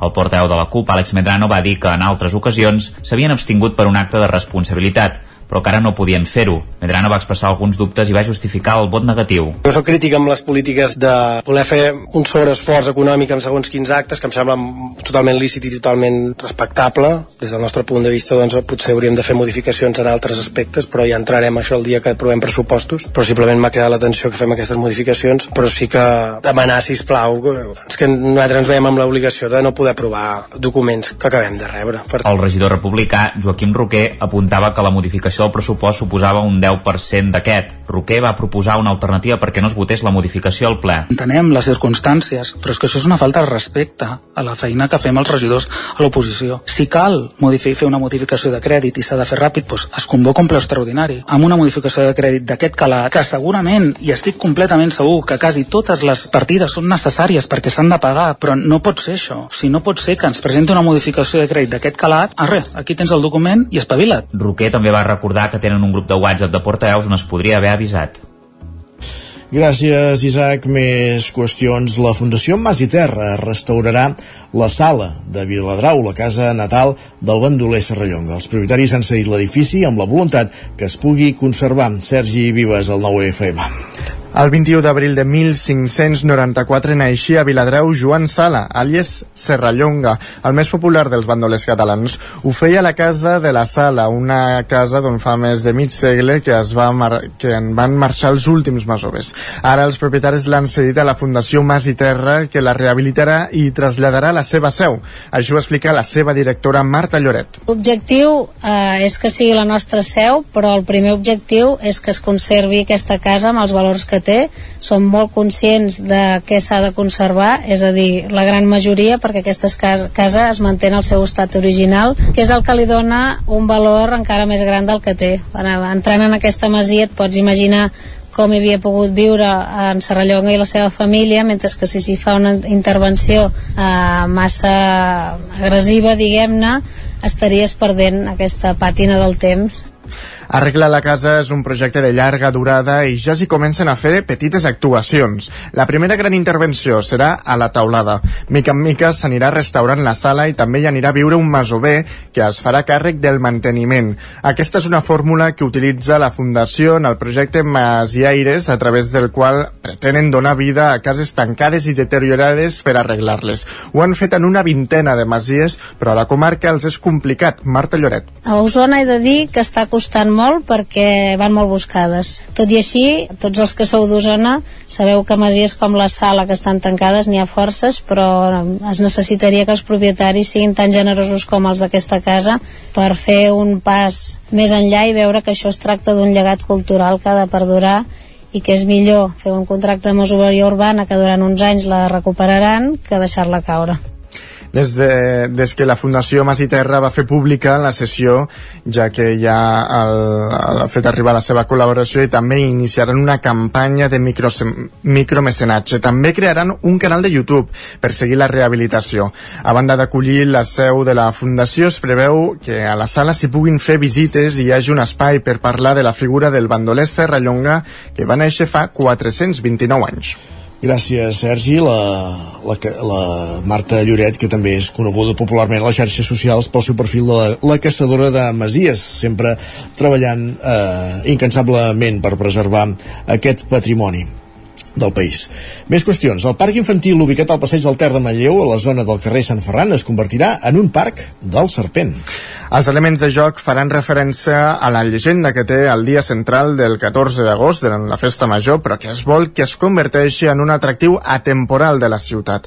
L'espai temàtic del serpent comptarà amb una instal·lació multijoc de gran format en forma de serp i també amb gronxadors, un sorral, un balancí o dues casetes, entre d'altres. Al parc també hi haurà un plafó que recull l'auca del serpent per explicar la llegenda a qui no la conegui. Això ho afirma l'alcalde Arnau Rovira. És important recalcar per nosaltres que volem que el serpent a nivell de Manlleu doncs, eh, s'allarga al llarg dels 365 eh, dies de l'any i que tots els nens doncs, el puguin disfrutar ja sigui doncs, a l'escola, que se'ls explica doncs, la llegenda, com també en el seu dia a dia doncs, fora de l'estiu, que és l'època doncs, més important de, del serpent. En paral·lel també s'eliminaran les escales d'accés pel pont del canal en aquesta zona del passeig del Ter i al seu lloc s'hi posarà un desnivell per millorar-hi l'accessibilitat. El pressupost de la intervenció és de 142.700 euros i estarà enllestida d'aquí a dos mesos. Gràcies, Sergi. Anem cap al Vallès Oriental perquè la Festa Major de Santa Maria de la Palau Tordera, que va començar el passat divendres i s'allargarà fins al dia 15, acull una nova edició del Farm Games. Enric Rubio, Ràdio Televisió Cardedeu. Hola Isaac, així és. És Festa Major Santa Maria per la Tordera, la plec del Remei de 2023 que s'allargarà amb un variat programa d'actes des d'aquest passat divendres fins al proper diumenge 15 d'octubre. També en aquesta ocasió ha volgut donar protagonisme al Centre d'Art Contemporani i d'Art amb tot un seguit de diverses propostes. En el tret de sortida de la festa hi destaca el Farm Games, el Pla de Cansala. Un any més, la carretonada, patates al sac, regales cols i la cursa de bales de palla, entre altres proves competitives, animarà de bona mesura la Festa Major de Santa Maria per la Tordera. Les Farm Games, tal i com expliquen des de l'associació Vigues i Migues, que són els que organitzen l'activitat, són jocs de competició inspirats en el món de la pagesia. Més enllà d'aquests jocs, el cap de setmana ha estat marcat per activitats tan variades com el correfoc, l'actuació de l'Orquestra Salvatana, el concert del Cochambre, la cercavila de gegants i espectacles de teatre, entre moltes altres activitats. Gràcies, Enric, i continuem amb més qüestions aquí al Territori 17, ara amb música. I és que per mi els teus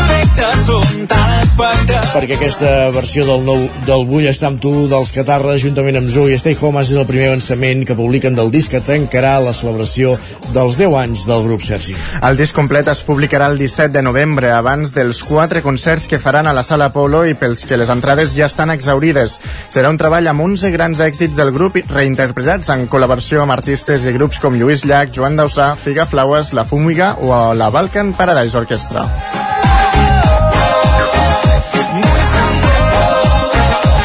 Doncs els Catarres que ja tanquen la celebració del seu desè aniversari. Els matins quan em llevo amb tu.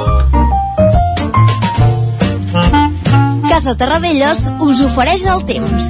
I el temps al territori 17 ja sabeu tots que és cosa d'en Pep Acosta, el nostre home del temps, l'anem a pescar una codinenca i tot seguit ens explica el temps que ens espera per avui. Avui tornarem a superar els 30 graus a moltes zones. Uh, avui superaran els 30 graus a masses, a masses pobles, uh, calor, les nits sí que són una mica més fredes, uh, clar, um, el, la nit es va allargant, uh, més hores nocturnes que diurnes, i això fa que la temperatura baixi, uh, fins i tot per sota, per sota els 5 graus a les valls dels Pirineus, uh, però bueno, uh, moltes mínimes també superiors als 15 graus, uh, també les mínimes haurien d'estar allà a l'interior de les comarques haurien d'estar cap als 10 graus, uh, avui moltes superiors als 15 graus, uh, també estan ben desfassades les temperatures uh, mínimes. I com dèiem avui, eh, novament aquest bloqueig anticiclònic, eh, molt de sol, temperatures altes, quatre nuvolades esquifides que poden créixer, sense cap possibilitat de precipitació, i seguim aquesta tònica. Eh, veurem si s'entrarà algun canvi finals de setmana, eh, però soc ben pessimista, i anem veient amb el pas dels dies què pot passar. Moltes gràcies, bon dilluns i molt bona setmana. Tenim una setmana per endavant uh, per disfrutar-la i intentem aprofitar al màxim. Adeu, bon dia. Intentarem fer-ho. Gràcies, Pep. Bon dia. Fins demà. Casa Tarradellas us ha ofert aquest espai.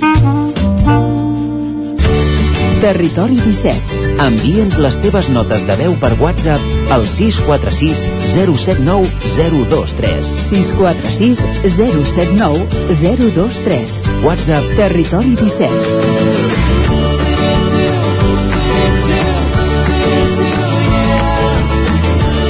Territori 17. Som a Facebook, Twitter i Instagram amb l'usuari Territori 17.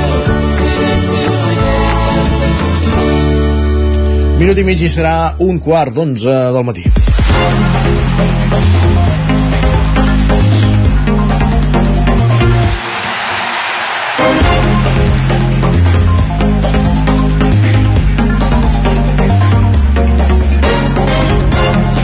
Moment de començar la roda esportiva dels dilluns per repassar com ha anat esportivament parlant el cap de setmana pels equips esportistes de les nostres comarques. Per tant, comencem aquest recorregut dels estudis de Ràdio i Televisió Cardedeu. Allà hi tenim l'Enric Rubio. Benvinguts. Bon dia. Bon dia, què tal, com estem? Bé, i tu? Uh, bueno, bé? bé i no tant. Bé. T'explico. Jo pensava que quan veu venir aquí el divendres seríeu com un amulet per nosaltres i que faríeu que milloressin els resultats esportius i mm, t'haig de dir que no ha estat així, però bé, us volem igualment que ens ho vam passar molt bé. Ah, això, exacte. Res. És important. Comencem pels de casa. I pel futbol, on el Cardedeu ha perdut a primera catalana contra l'Argentona a casa d'aquests per 0 gols a 1. I el segon equip, que es va desplaçar fins a població veïna per jugar al derbi contra el Vilamajor, ha perdut per 7 gols a 1. Sí, sí, 7 gols a 1. El Granollers no ha tingut millor sort a la Lliga Elite i tot i no perdre per una diferència tan acusada com els anteriors, també ho han fet contra l'Europa, però per, gol, per un gol a 0. Què? Deixem el futbol. No, millor passem al bàsquet, que el Granollers ha guanyat a casa per 70-63 contra, el, contra l'Alfiden. Les inacenques del... Sí, mira, tenim un i t'haig de dir que pràcticament serà l'únic. Ah, molt bé. Sí, i les llinacenques del bàsquet del júnior femení voldrien que haguessin guanyat però no ha estat així, no han tingut la mateixa sort que els de Granollers i han perdut per 80-72 contra, contra el Mollet. Bé, portem una victòria, qui no és feliç és perquè no vol. Per acabar amb el repàs esportiu mirem cap a l'handbol on el Freiking Granollers ha empatat contra la Demar a 29 fora de casa. I el CAC 7 ha perdut contra el Mecàlia també fora de casa per 34 a 31 i sort en tenim de les de casa de les de l'handbol que han guanyat contra els Sants al camp d'aquests per 20 a 31 Aquestes mai així que res, Sí, sí, aquestes estan gent de Carrereu, ja ho saps, bona gent, així que res, dues victòries a Porto avui, anem pas a pas que no es pot començar la temporada per la porta gran, que si no t'acostumaré malament i després doncs no sabrem què fer. Mira el Barça, per exemple, per dir alguna cosa. exacte, exacte. Gràcies, Enric, fins ara. A vosaltres. Roger Ram, zona codinenca. Què tal, bon dia? Com ho tens, per les teves contrades? Uh, mira, ja el titular seria jornada funesta, eh? Carai. Per tant, amb, amb, aquest, amb aquest titular ja tot va, tot va bé, clar que sí, és dilluns. Va, comencem parlant de futbol, aquí a la, al Vallès Oriental, perquè la primera divisió catalana, a la quarta jornada, el Caldes va empatar a un a domicili davant el Begur. Ho va fer amb un gol d'Albert Camí, que situa l'equip ballesà 11 a la taula amb 4 punts. A la segona catalana, el Sant Feliu de Codines ha caigut golejat per 4 gols a 0 en la seva visita al camp del Tibidabo Torre Romeu, a Sabadell. Els codinencs han estat inferiors des de l'inici del partit i això s'ha traduït ràpidament al marcador.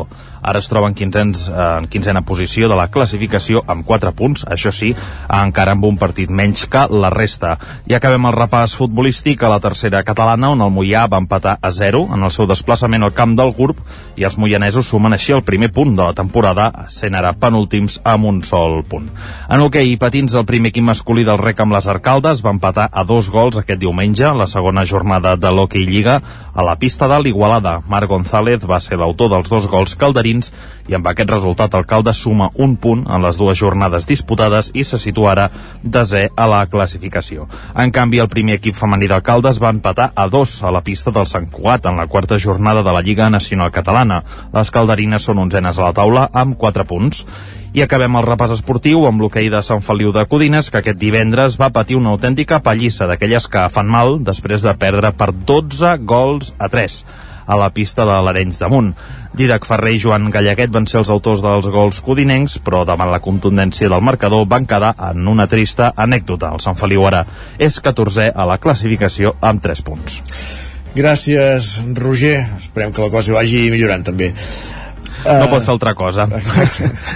ens escoltem demà, que vagi Fins molt demà, bé. bon dia. I nosaltres continuem anant cap al Ripollès, allà ens espera un dia més l'Isaac Muntades a la veu de Sant Joan. Isaac, com ha anat, el eh, com ha anat esportivament parlant el cap de setmana aquí al Ripollès?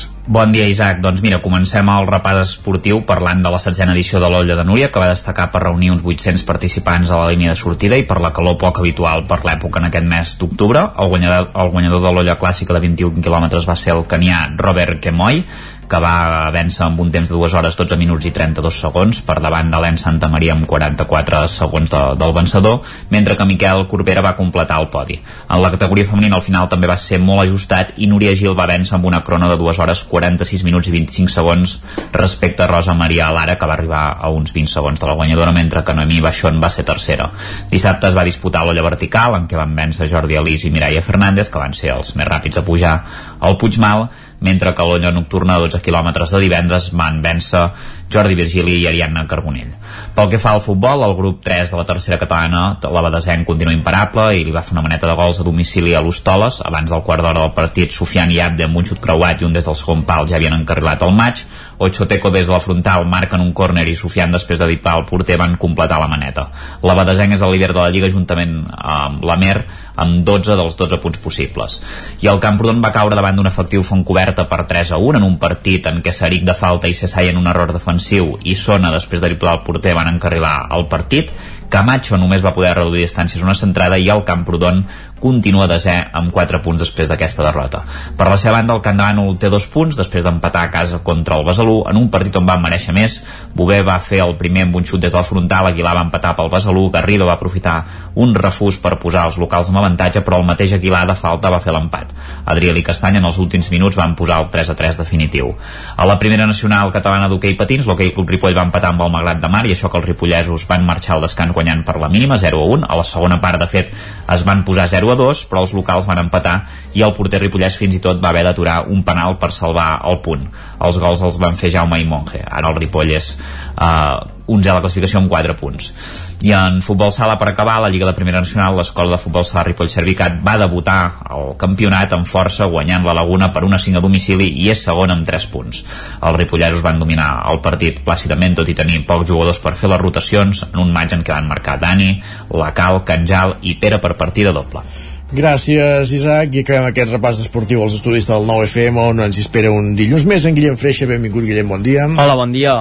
Com anar la cosa pels equips i esportistes usonencs? Bé, doncs tenim una mica de tot. Comencem per al futbol, la tercera divisió, la tercera federació, com se diu des de, aquesta, o des de la temporada passada. El Tona jugava a casa contra el Paralada, empat a un dels eh, mm. tonencs, un empat que arribava eh, amb el temps reglamentari exaurit, Adrià Casanova establia la igualada definitiva a un. En aquesta mateixa categoria en eh, femení, el Vic Riu primer que no troba el camí de la victòria, una victòria que resisteix, cinc jornades, eh, només dos empats aquesta setmana, empat a un contra el Sant Gabriel, i això que les usonenques es van avançar al minut 44 centre de penal, però en la segona meitat el Sant Graviel restablia la igualada també amb l'empat a un definitiu. Baixem a la Lliga Elite, on la Unió Esportiva de Vic va tenir una lliçó de realitat aquesta setmana. Havien començat molt bé la Lliga els de Ramon Carrascal. Aquesta setmana visita a Olímpia, la ciutat esportiva del Sabadell, on juga el futbol base del Sabadell,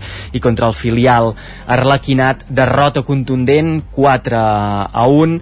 El Vic que encara continua a la zona mitja alta d'aquesta aquesta Lliga Elite després de quatre partits. I on sí que hi ha molt bones notícies és a la primera catalana. L'AS Manlleu visitava els Roses, eh, duel d'equips invictes fins a aquesta jornada i qui es van portar els tres punts, per tant qui continua sense conèixer la derrota, que és el Manlleu aquesta setmana 1 a 2 al camp del de, conjunt empordanès. I com dèiem 12 de 12 són 4 victòries en 4 partits que deixen el Manlleu doncs, al capdavant d'aquesta competició de la primera catalana. Realment un molt bon inici de temporada dels de Manel Sala en aquesta ocasió Omar avançava els manlleuencs a l'inici de la segona meitat arribava al 0-2 poc després de Martí Soler i Requena per als Roses també escurçava diferències però el marcador ja no es mouria més fins al final del partit doncs molt bé, anava a dir, perdó Guillem, en futbol eh,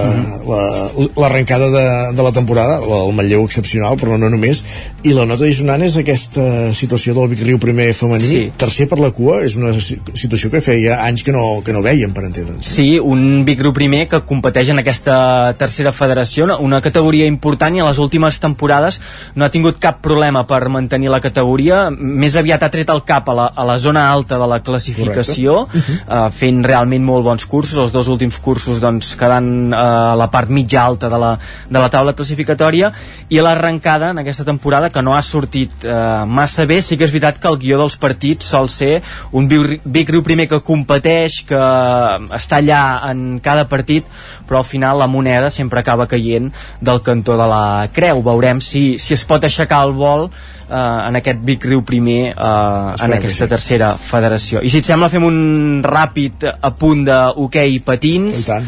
El Voltregà Movento Stern que iniciava hoquei Lliga eh, ho feia contra el Barça, rebent el totpoderós Barça l'Oliveres de la Riba i una mica amb la dinàmica engegada la setmana passada en la Supercopa d'Europa uh, un Voltregà que va jugar de tu a tu contra els uh, Blaugrana. Al final, això sí, uh, derrota per 4 a 5 però com dèiem, eh, posant contra les cordes el marcador ho diu tot, eh, sí. perquè el Barça sempre sol ser marcadors avoltats i a 0 i uh -huh. 4-5 no, no, no acostuma a ser tan i que van ajustat fins a, fins a, és que fins als últims instants perquè de fet el, el, el Voltregà va arribar a guanyar 3-1 el Barça es va arribar a posar 3 a 5 quan quedaven 7 minuts i un últim gol d'Àlex Rodríguez que va posar emoció en aquests últims instants de partit. Com dèiem, bona arrencada d'un Voltregà extern, Movento extern pel que fa a sensacions, va faltar aquest resultat contra el totpoderós Barça.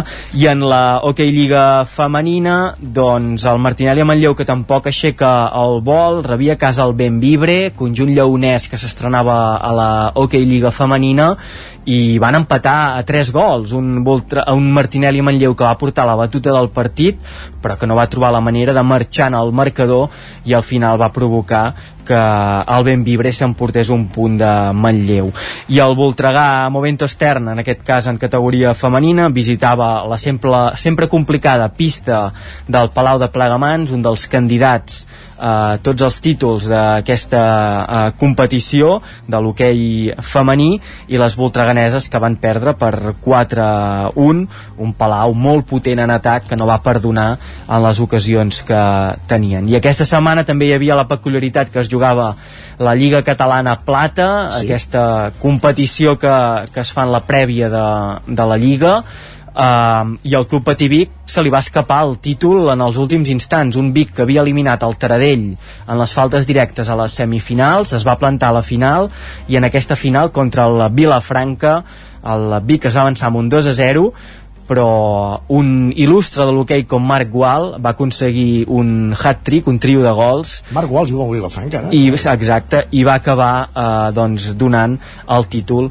al conjunt del Penedès. Un hoquei Lliga Plata que començarà d'aquí 15 dies molt bé, i tenim res, ni 30 segons per parlar de bàsquet i tenis taula? Sí, el bàsquet, primera derrota de la Universitat de Vic, 76 a 73 a la pista del Mataró, recordem, segona jornada de la Lliga EVA, on competeix el bàsquet Vic, i pel que fa al Girbau Vic de tenis a taula, aquest eh, divendres, es va jugar divendres aquest eh, partit, rebien el gran dominador, les grans dominadores del tenis taula estatal, com són l'UCAM Cartagena, no hi va haver fortuna, les biguetanes no van poder superar el conjunt murcià, tot i això van tenir opcions de, de forçar uh, un empat, al final però 2 a 4 a favor com dèiem del Cartagena per part uh, biguetana Charlotte Carey la galesa que va aconseguir un punt i Airi Abe la japonesa va aconseguir l'altre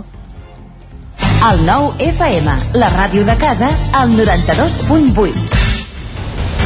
Nova convocatòria de 850 places a Mossos d'Esquadra, amb la reserva del 40% per a dones. Ara pots formar part de la Policia Integral de Catalunya. Som compromís, vocació de servei i proximitat. Ens faltes tu. Més informació a mossos.gencat.cat barra convocatòria Mossos. Presentació de sol·licituds fins a l'11 d'octubre. Generalitat de Catalunya. Sempre endavant. La qualitat de les teves impressions és important per tu? Estàs cansat que els colors i les imatges no surtin com t'esperes?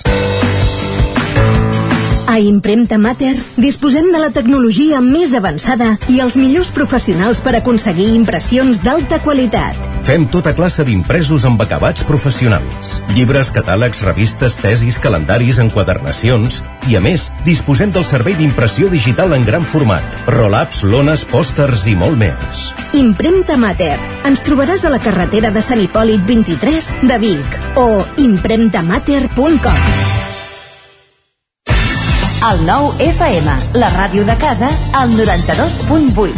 Hasta luego, cocodrilo. El programa Cocodril Club arriba als 30 anys en antena. Vine a la festa d'aniversari. La celebrarem el diumenge 22 d'octubre de 18 a 22 hores a la discoteca Barrocos, a Dibau 242 Barcelona, amb les cançons que més us agrada ballar de tots els temps. Actuaran com a padrins Leslie del Cirex. Maldigo mi destino. Mi estrella se eclipsó. i Santi Carulla dels Mustang. El diumenge 22 a partir de les 6 de la tarda a la discoteca Barrocos Aribau 242 de Barcelona 30 anys de ràdio 30 anys plens de bona música 30 anys de... Cocodril Club, el programa revival de l'Albert Malla. Hasta luego, cocodrilo. Anuncia't al 9FM. La màquina de casa. 9 3 8 8 9 4 9 4 9. Publicitat arroba al 9FM.cat. Anuncia't al 9FM. La publicitat més eficaç. Cada dimarts a les 11 de la nit, al 9 FM, repàs de l'actualitat esportiva a la banqueta. T'imagines un programa de política, d'economia, feina... Doncs ja te'n pots oblidar. Quin tinglado! Un programa d'entreteniment, actualitat, cultura i molt rigorós. Amb Bada Serrat, Miquel Giol i Eudal Puig. Un programa que no passarà a la història i que tampoc guanyarà cap ondes. No ens flipem. Escolta'l cada dijous en directe de 8 a 9 del vespre al 9 FM. Ai, ai, ai, quin tinglado! El 9 FM, el 9 FM, el 9 FM, el 9 FM. En punt dos quarts d'onze al territori 17.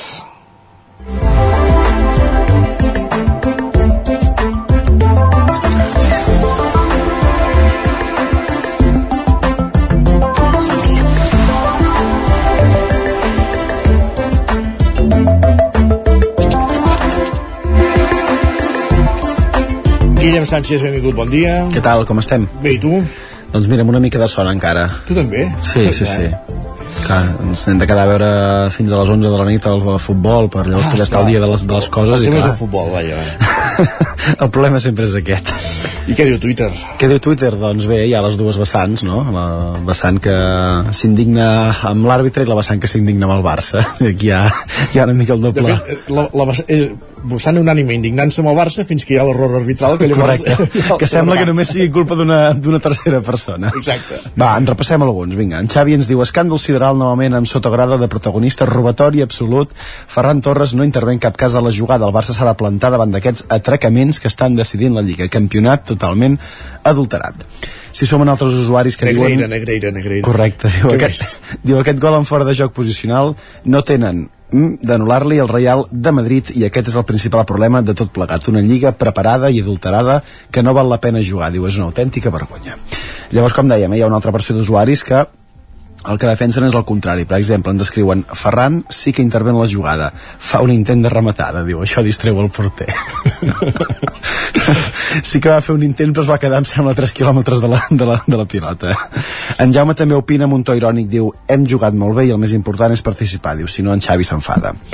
En Lluís per això també toca una mica de peus a terra, Isaac, i confessa el següent. Diu, a l'esport com a la vida, el major error és no reconèixer que els fem. Acceptem la realitat i canviem-la. No ni hem estat molt bé, ni en bon futbol, ni hem millorat moltíssim. D'haver-lo fet hauríem guanyat 0-4 al 19è classificat i no estaríem parlant d'àrbitres infames soc bastant d'aquesta opinió, mm. em sembla eh? igual que l'Andreu que ens escriu el següent i ens diu fetes les queixes contra l'àrbitre aquest Barça ha de guanyar 0-28 a un Granada que és justíssim de fet em sembla que es, es devia fer in- internacional no? el, el davanter del Granada d'ahir que, Ah, sí? que va fer els dos gols I així no n'agafa un del Barça, tu ja va bé. Avui em sembla que he vist ja alguna fotografia de la seva participació quan devia tenir menys anys dels que té ara en un campus d'en Guardiola de no sé quin temps o campus de no sé què és, ja estaven traient fotos de, mira, estil Barça o aquelles coses que, Sí, sí. que els periodistes a vegades fem per, per donar una mica més de continuïtat. Doncs com dèiem, he quedat a veure el futbol fins tard fa que l'endemà, Isaac, puguis patir les conseqüències, Ja. com el que ens escriuen avui per xarxes. Ens diuen, avui no sé com dissimular aquesta ànima de zombi que tinc per dins. El podria signar jo, aquest tuit, avui, eh? I per combatre la son, què es pot fer, Isaac? No ho sé. Solucions? Cafès, cafès. encara no he pres cap avui. Cafès, per tant, menjar, menjar i beure. Sempre una bona, una bona manera per poder solucionar els problemes. No sé si te'n recordes, Isaac, que la setmana passada eh, fèiem referència a un tuit de l'Anna que ens parlava d'un senyor que havia anat a esmorzar al bar. Sí, i tant, sí, sí. I que es feia un gran esmorzar. Banquet, sí. Doncs mira, tenim segon capítol, em sembla. Ja. L'Anna ens escriu Avui el senyor de l'esmorzar XXL i entre parèntesis re- recorda entrepà, suc, cafè amb llet més pasta, diu apuja la posta i afegeix una tasseta de xocolata desfeta i un cigarret de postre. Falta el whisky final. Falta el whisky. I el puro. és, és difícilment superable, eh, això que, que ens està escrivint. sí. Això, jo li firmo, però és que amb la meitat ja quedo, ja quedo tip. Haurem de descobrir qui és aquest senyor i aquest bar i un Home, dia potser hem potser hem d'anar a fer una, hem d'anar a fer una entrevista allà. Exacte. I no sé si tu el cap de setmana, Isaac, vas passar per Barcelona. Mm, no, he passat per molts llocs, però per Barcelona no. Quina sort, quina sort que vas, que vas tenir. Va, llegim en Biel, que ens escriu avui si el que volen és fer-nos definitivament espanyols, no sé si omplir Barcelona de feixistes, diu, és el més efectiu. ara no hi quèiem, per on anaves. D'acord, què més? Què més, va? Aquest missatge d'en Pep sí que no el veia venir. Ojo, eh? Sensació estranya quan una persona amb la qual quedes de manera esporàdica, que suposadament estava separada, tres punts suspensius, es creua amb tu de la mà del seu marit i dels dos nens i notes com no sap on mirar. Diu, Carai. no enganyeu, que fa una mica lleig. També m'agradaria saber qui és aquesta persona i... També té una entrevista, sí. Va, i acabarem amb una reflexió de la Maria José per tancar la secció d'avui. Diu, pensar les coses és molt saludable, pensar-les massa no ho és gaire. Sigueu Doncs- una mica impulsius a la vida, que també està bé. Ara ho has dit. Gràcies, Va, Guillem. que vagi bé, bon dilluns. I al territori 17, ara mateix 5 minuts que passen de dos quarts d'onze del matí, anem cap a la tertúlia esportiva. Territori 17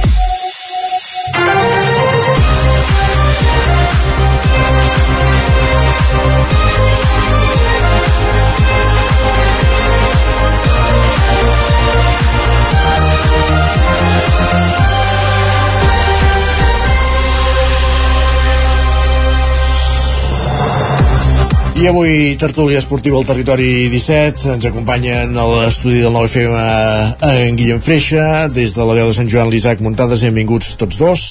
Hola, bon dia. I Hola, bon dia. Intentarem connectar també amb en Lluís de Planell, que avui el tenim desplaçat, tenim fora, i vam tots plegats per parlar d'aquesta lliga de futbol, per parlar de, de futbol eh, després d'una jornada en què hi ha hagut victòries del Girona, hi ha hagut victòries del Madrid i hi ha hagut aquest empat agònic del Barça que ara Guillem comentàvem amb, amb l'altre Guillem, amb en Sánchez eh, aquí a les piulades, eh?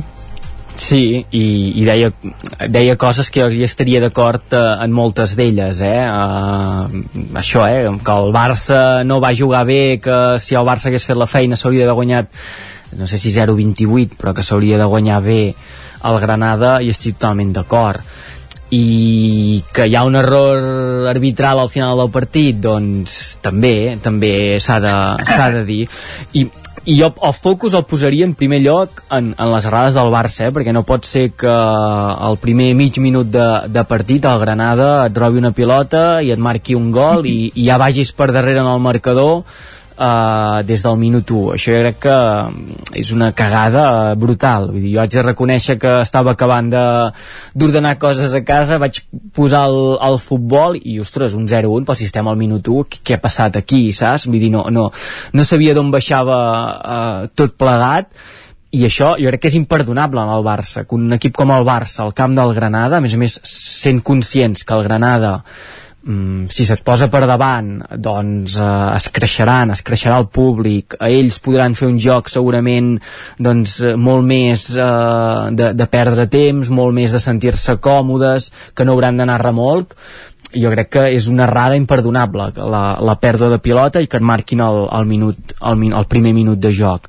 Ara, llavors que no perdem tampoc de vista que el tercer gol del Barça mm, hauria d'haver pujat al marcador sí o sí, si més no aplicant el mateix criteri que s'ha anat aplicant en altres partits aquesta temporada perquè eh, crec que és el Madrid amb el Getafe no? hi ha un gol que José Lu també salta, no toca la pilota. Aquí sí que obliga a intervenir a un, a un defensa del Getafe.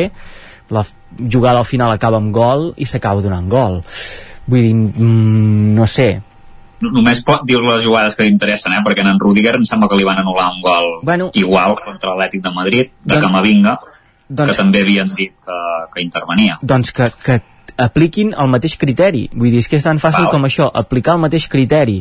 I en el partit d'ahir, jo crec que és evident que Ferran Torres no arriba en aquella pilota. Vull dir, salta perquè és l'instint de saltar, però la pilota és que li va a la lluna va aquella pilota i li passa per sobre i és que és impossible que l'arribi a, a jugar i li xiulen el fora de joc mm. Jo, jo li, abans de començar la tertúlia, Guillem, aprofitant això, eh, que dius això del gol del anul·lat, eh, Mm. això del Fèlix, eh, li he passat a, a l'Isaac per privat un, un àudio, bueno, un vídeo de, que, que entrevisten el porter del Granada i li demanen, ostres, tu com ho has vist? El Creus podem- que és fora el de joc? Eh? És que volia demanar Sí, fet- aquest senyor. Sí, sí, va, li foto. És Ferreira, eh? Jo crec que... Sí, no he visto todavía la, la acción, pero es verdad que cuando Cancelo eh, tira el cruzamiento, eh, hay un momento que lo veo haciendo el movimiento y como que me frena un poco. Y luego el balón cae en Joan Félix. Entonces ha sido la interpretación del árbitro y tengo que ver si está muy lejos o no, pero a, mí- a mí yo creo que me molestó porque cuando hace el movimiento yo, yo me freno un poco a ver si, si puede llegar al balón o no. Ahí te genera la duda y por lo tanto la duda, porque ves el movimiento, yo, yo me freno un poco y luego cuando voy a Joan Félix, él acaba por, eh, por Ben anul·lat el gol. bueno, si no el què vols que digui? Bueno, Ah, però, què a vols que digui el porter? Si és el, el, Però segur que, segur, segur que aquesta això no, no entrava dins de la teva equació. No, no, que, que, no hem dit la font, eh, del vídeo, no hem dit la font encara del vídeo, eh? Sí, el, el, bueno, la font no cal, és un programa No, sí de que cal, Madrid sí que cal. a altes hores de la matinada. El xiringuito. Cavi. Què vols que digui el porter? Puc fer un apunt abans que se m'oblida, perquè és, abans ha dit que el Brian Zaragoza, el ferir internacional en Guillem Sánchez en la ronda de piulades, l'han fet internacional, l'ha convocat en Luis de la Fuente per substituir, em sembla, Jeremy Pino, i a més a més em sembla que també hi han posat en la Minya Mal, que bueno, que ja veurem, eh, perquè em sembla que hi va acabar molèsties, uh, amb molèsties, eh? però, però sí, sí, l'han Però- fet internacional. Vull dir- Realment un gran jugador, eh? i jo no el coneixia i Aquí- déu nhi els dos golaços que va fer. em treus, em treus un testimoni com buah, ara aquí guanyaré el judici saps? El, el testimoni d'última hora per, per, i, i No clar, és, esperaves, és la part implicada vull dir, què vols que digui aquest senyor, aquest Bueno, porter què vols que digui? No, no, me l'he Què vols que menjada diguin, Xavi? No. Què vols que digui? Si s'està queixant cada partit, si no és el, si no és el, el, el, Una el realitat. del, dels jugadors del Getafe, és, és el camp. No. Si no és el sol. Si No. No, és O sigui- que no tenim prou descans per a les seleccions. En- Sempre, sempre, és una excusa, sempre toca. Si, si no és un pit o una pelota, és Aviam. que sempre li passa alguna cosa. En Xavi, jo, ara, en Xavi, jo, eh, en Guillem Sánchez ha llegit un tuit que deia eh, no passa res, hem jugat molt bé, l'important és participar. Hem jugat Jo, molt bé. aquí, no, no, no, ho deia en, en to irònic, ho deia en to Ah, vale, irònic, vale. per, per una mica el que fa en Xavi, no?, de que s'ha jugat molt bé, no sé què, i que, que sí que és veritat que a vegades busca una mica l'excusa l'excusa l'excusa mm, reiterada no? jo mm, això no t'ho negaré que el, que el Barça no va fer un bon partit que el Barça no hauria d'haver encaixat aquell gol al primer minut de, de, de joc que el Barça no pot anar al camp del Granada i, i no, no superar el, el conjunt mm, que es mou a la zona baixa de la classificació. Això no t'ho negaré mai és que no t'ho negaré però que llavors aquesta jugada mm, també és uh, polèmica i que s'hauria d'haver pujat. I llavors una altra cosa també que el Barça tornem a estar en un moment en què hi ha moltes baixes, hi ha baixes importants perquè eh, recordem que no hi ha Frenkie de Jong, no hi ha Robert Lewandowski eh, no hi ha Pedri per tant tornem a estar en una fase de la temporada en què li falten molts efectius per tenir tot el potencial eh, a la plantilla mm, bueno, és un equip que jo crec que ha d'anar ha de créixer i ara s'ha de passar aquest sotrac que arriba a principi de, de temporada i fa que al camp del Granada doncs, no puguis mostrar la teva millor millor versió Afegim nous tertulians. Eh, Lluís de Planell, telefònicament parlant. Afegir alguna cosa al que estàvem dient? No, no, les excuses d'en Xavi ja les de saber, vull dir que sí. si no és un, un all és una ceba, vull dir, no, ho té, ho té claríssim ell. No per mai ell, sinó les circumstàncies, ja està. I per molt que hi hagin tres baixes importants a, a l'equip, per guanyar el camp del Granada, eh, hauria de fer com la Leni Herrera, no, no baixar d'autobús.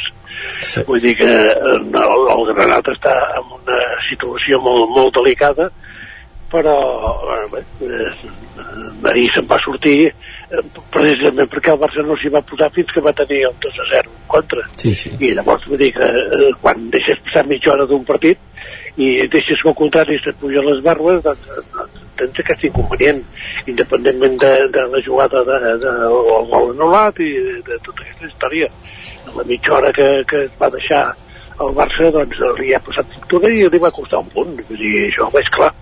Jo soc Andalusia, en aquests moments la, la, la opinió d'aquí és de que eh, és el Granada el que va perdre els punts. Sí. Perquè ells, ells, pensen, ells veien el partit guanyat. I, i eh, si el Barça destaca la situació, el gol anul·lat, eh, aquí de, de, parlen només d'aquell de, de la rematada del pal, pal, en el temps gairebé de descompte no? Exacte. vull dir que cada, to, tothom es viu les coses de la seva manera Però és que jo, jo no ho nego, eh, que el Barça no, no fes un, un bon partit, però també mm, poso de relleu això, no?, que els criteris arbitrals han de ser sempre els mateixos, no pot ser anar Perquè canviant. hauria, hauria d'haver pitat falta en el segon gol del Barça també allà amb Jesús Vallejo que em sembla que li fan falta és falta allò no, o no, no, no. O no entra al bar no? no és falta és, no. és criteris eh? Uh, també hi ha l'Agustí Danés. Agustí, benvingut, bon dia. Ei, no, només volia dir que en, en Lluís que, que tot bé, Lluís, tot controlat aquí a Andalusia sí, sí, sí, sí. I que en Lluís és- estan molt, estan molt avall però molt, molt, molt de més bé no, eh, no, no estic a Granada però vull dir que eh, aquí eh, bueno, és, és una terra eh, que tothom vull dir, se, se sent molt andalús i llavors eh, eh, això, sense comentaris i el que diuen del partit d'ahir doncs és que això consideren que va perdre els dos punts perquè eh, s'ho veien coll avall. Els hi dius que ets de l'Espanyol tu o, o amagues això aquí baix perquè llavors dirien, no, així és especialista en segona divisió tu Lluís no, no, no l'amago mai. I a més a segona divisió no perquè ja hem estat penso que 3 anys o 4 la, tota la nostra història amb 123 anys. Vull dir, no, no pots ser especialista de 123, 3 o 4 o 5 és, és un parèntesi. no, no, no. És un eh, no pot parèntesi ser ja, ja. Sí. Uh, Agustí, el, el féssim alguna cosa al partit d'ahir? No, en Guillem ja ho ha explicat bé, vull dir que jo, a diferència del que diu en Lluís, que parla d'excuses, jo penso que no, que són realitats i que els equips grans han de tenir una, per això han de tenir plantilles àmplies i al Barça no li té prou la plantilla àmplia, al Barça li falta també el recanvi del davanter centre, a veure si, si arriba ara per, per Nadal, que ja està fitxat el, el nou davanter centre per, per tenir un recanvi de quan no hi hagi en Lewandowski, no? però, però no es va lesionar ai, Agustí Sí, o- però normalment els que es lesionen hi ha un dia que es recuperen, no? Llavors, bueno, Sí, però en tenia per un temps, no? Ara està lesionat i, i, i per, Ah, no sé, i no ho per. Nadal, que feien dos o tres mesos, doncs esperem que, que estigui bo vale, vale. I que pugui i, i, que, i que pugui venir i, i l'avantatge respecte perquè això ja passa, l'any passat també va, va passar una mica, jo crec que la- l'avantatge respecte al curs passat és que ara tenim encarrilada el, la classificació de la Champions que és el taló d'Aquiles que, que el Barça tenia aquests últims anys que no, no et pots despistar en la Champions no? i ara el Barça amb, aquest, amb aquests sis punts que té i el grup que té, que és un grup eh, diguem assequible eh, això ho tindria encarrilat perquè la Lliga és molt llarga ara d'aquí 15 dies o 3 setmanes hi deu haver el partit amb el, amb el Madrid no? Bueno, i al final amb, amb aquesta diferència sí que és veritat jo estic d'acord amb en Lluís eh, que el Barça ahir va perdre aquests eh, o sigui, aquests dos punts però entenc que des de l'òptica del, dels aficionats del Granada que guanyaven el partit 2 a 0 entenguin que, que, que és el club local és l'equip local el que, el que va perdre el partit perquè és el que el tenia encarrilat no? Però bueno, hi ha aquesta diferència vull dir que, que el, el Madrid ha guanyat ha guanyat molt, de fet només deu haver perdut un partit i el Barça no n'ha perdut cap de partit, no? Uh, per tant mm, això està, està allà. Vull dir, sí que és clar, si empates això penalitza perquè amb els 3 punts doncs en perds dos cada vegada.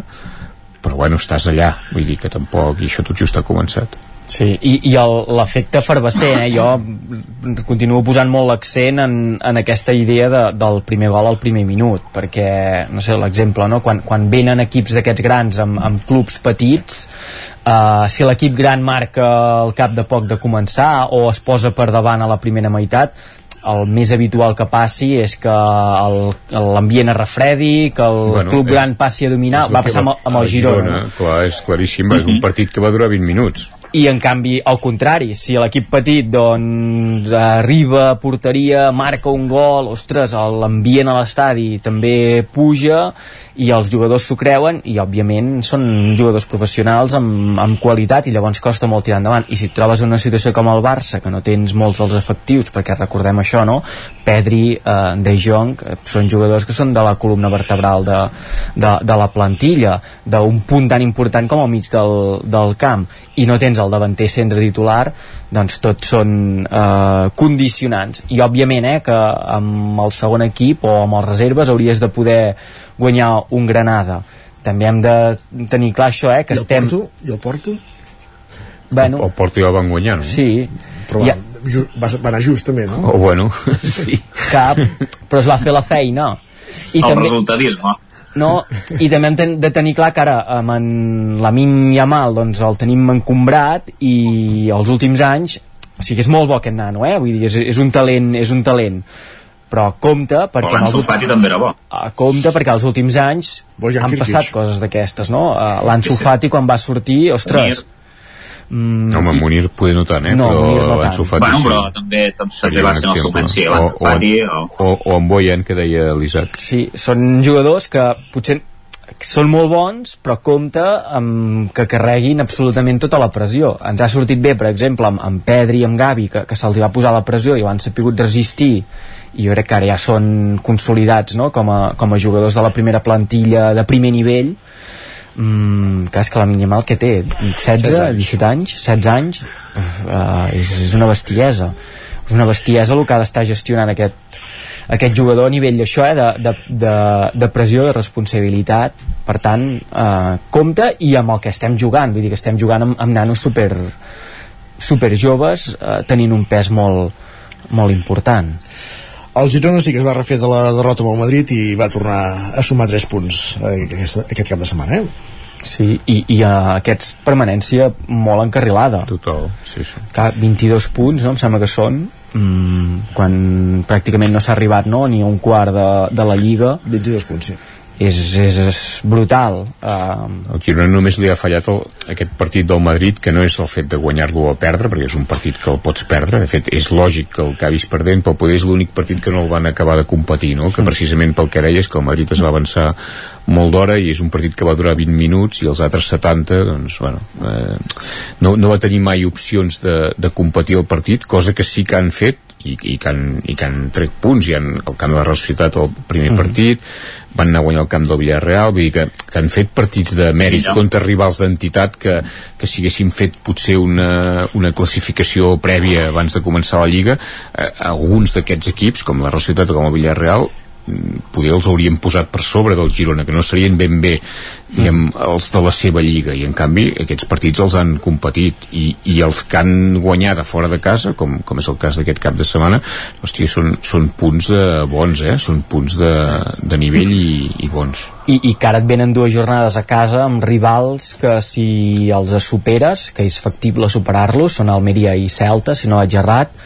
clar, te'n vas eh, és que amb 29 punts eh, a principis de novembre vull dir, és, és una bestiesa i en cas de no fer-los tens el, el coixí això en, en Lluís segurament ens pot donar més eh, o ens pot explicar una mica com es gestiona tot plegat eh, en aquest sentit, no? un equip que l'objectiu era la permanència si es troba que pràcticament l'ha aconseguit després què fer, no? Uh, forces per arribar a Europa, uh, quedes allà en una zona mitja a l'Espanyol, no? Li havia passat moltes temporades que encarrilava la permanència i quedava allà en terra de, de ningú. També la gestió aquesta serà, bueno, serà, serà interessant veure què, què passa.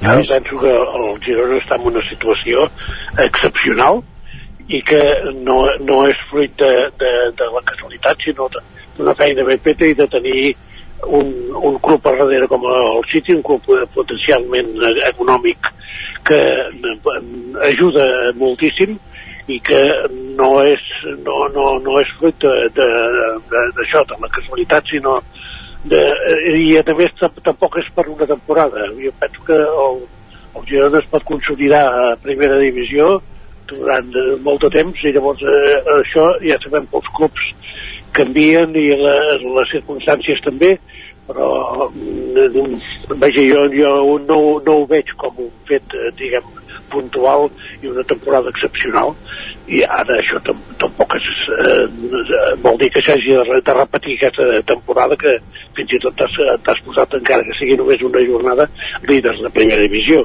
Tampoc ha de passar això però jo recordo eh, per exemple el, el cas de l'Ossassuna la temporada passada que fins i tot va arribar eh, a competir a Europa. Llavors l'eliminatòria prèvia a la conferència la va perdre però vull dir la temporada de l'Ossassuna de, de, la, la temporada passada passada va ser extraordinària. Final de Copa. Jo, jo entenc que... Exactament, jo, jo entenc que pot estar aquí. Ara, eh, l'Ossassuna ha passat, ha passat d'aquí allà. Mm. No, no, no vull dir que jugui a final de Copa, eh? però vull dir que eh, eh, està en una, en una classificació folgada a primera divisió que t'acostes a Europa, t'hi pots arribar o no hi pots arribar, però l'objectiu de, de, de, de la Champions és llunyà, però el, el, el descens també queda molt lluny. I llavors quedes en aquesta posició que de, depèn de com va, com van les coses doncs per Setmana Santa pots estar esperançat a jugar a Europa o, o avorrit zona d'aquelles que no, ja no passa res però això normalment per aquesta mena de llei del pèndol amb, amb equips com els que comentes Lluís, com l'Ossassuna ja sol passar això, eh? que una després d'una temporada molt bona i d'unes expectatives i si a més a més eh, acabes jugant a Europa el calendari bueno, el calendari és un, és un calvari i aquests equips llavors acaben patint i ho dic perquè tu saps bé el que va passar amb l'Espanyol, aquella eufòria de, de classificar-se per Europa l'any d'en Rubi, no? I, i la temporada següent eh, va passar el que va passar vull dir que és, és difícil aquests equips hi ha aquesta mena de, de llei del pèndol aquest efecte rebot no? que estàs molt amunt però és molt difícil sostenir això sense plantilles molt, molt àmplies sí. I... sí, el que passa és que eh, el, el, Barça, eh, el Girona té el darrere del City i el mm. que això sí que és, sí, sí. que és important per, per, per, sobretot per tenir de nous joves d'aquests que, que eh, no solament són, són jugadors de futbol sinó que són persones il·lusionades en, en la seva feina i llavors les circumstàncies també són unes altres. Eh, per exemple, el Celta va jugar a la Champions en la mateixa temporada que va baixar, eh, va baixar a segona divisió. Mm -hmm. I per què? Perquè no, té, no hi ha eh, eh, aquesta penta que mm -hmm. et proporciona un club de, de, de, de la importància econòmica del City. I eh, destaco la importància econòmica, perquè eh, continuo recordant que el City era un, un equip de, de, de la segona divisió anglesa que de tant en tant treia el cap a, a, a, a la Premier però que bàsicament era un equip de segona fins que va arribar als, als actuals propietaris i han abocat diners. Vull dir que el futbol també en bona part depèn d'això, depèn dels diners Sí. I, I si es vol consolidar, òbviament s'ha de fer aquesta feina esportiva, però també s'ha de fer una feina realment d'infraestructura i de, de posar uh, el que seria la primera divisió uh, tot l'estadi, tot l'entorn, tot plegat, eh? perquè realment hi ha moltes mancances a, a Montilivi en, en partits una mica grans o ara que hi ha una, una assistència elevada mm, clar, és que els lavabos són policlins eh, els bars són bars que són molt molt justos i n'hi ha només un parell. Les entrades i sortides són pràcticament per tres portes eh, per tant s'ha de fer una feina hi ha, hi ha dues grades o tres grades que són no, d'aquí i pont que són vestides allà falcades amb, amb fusta.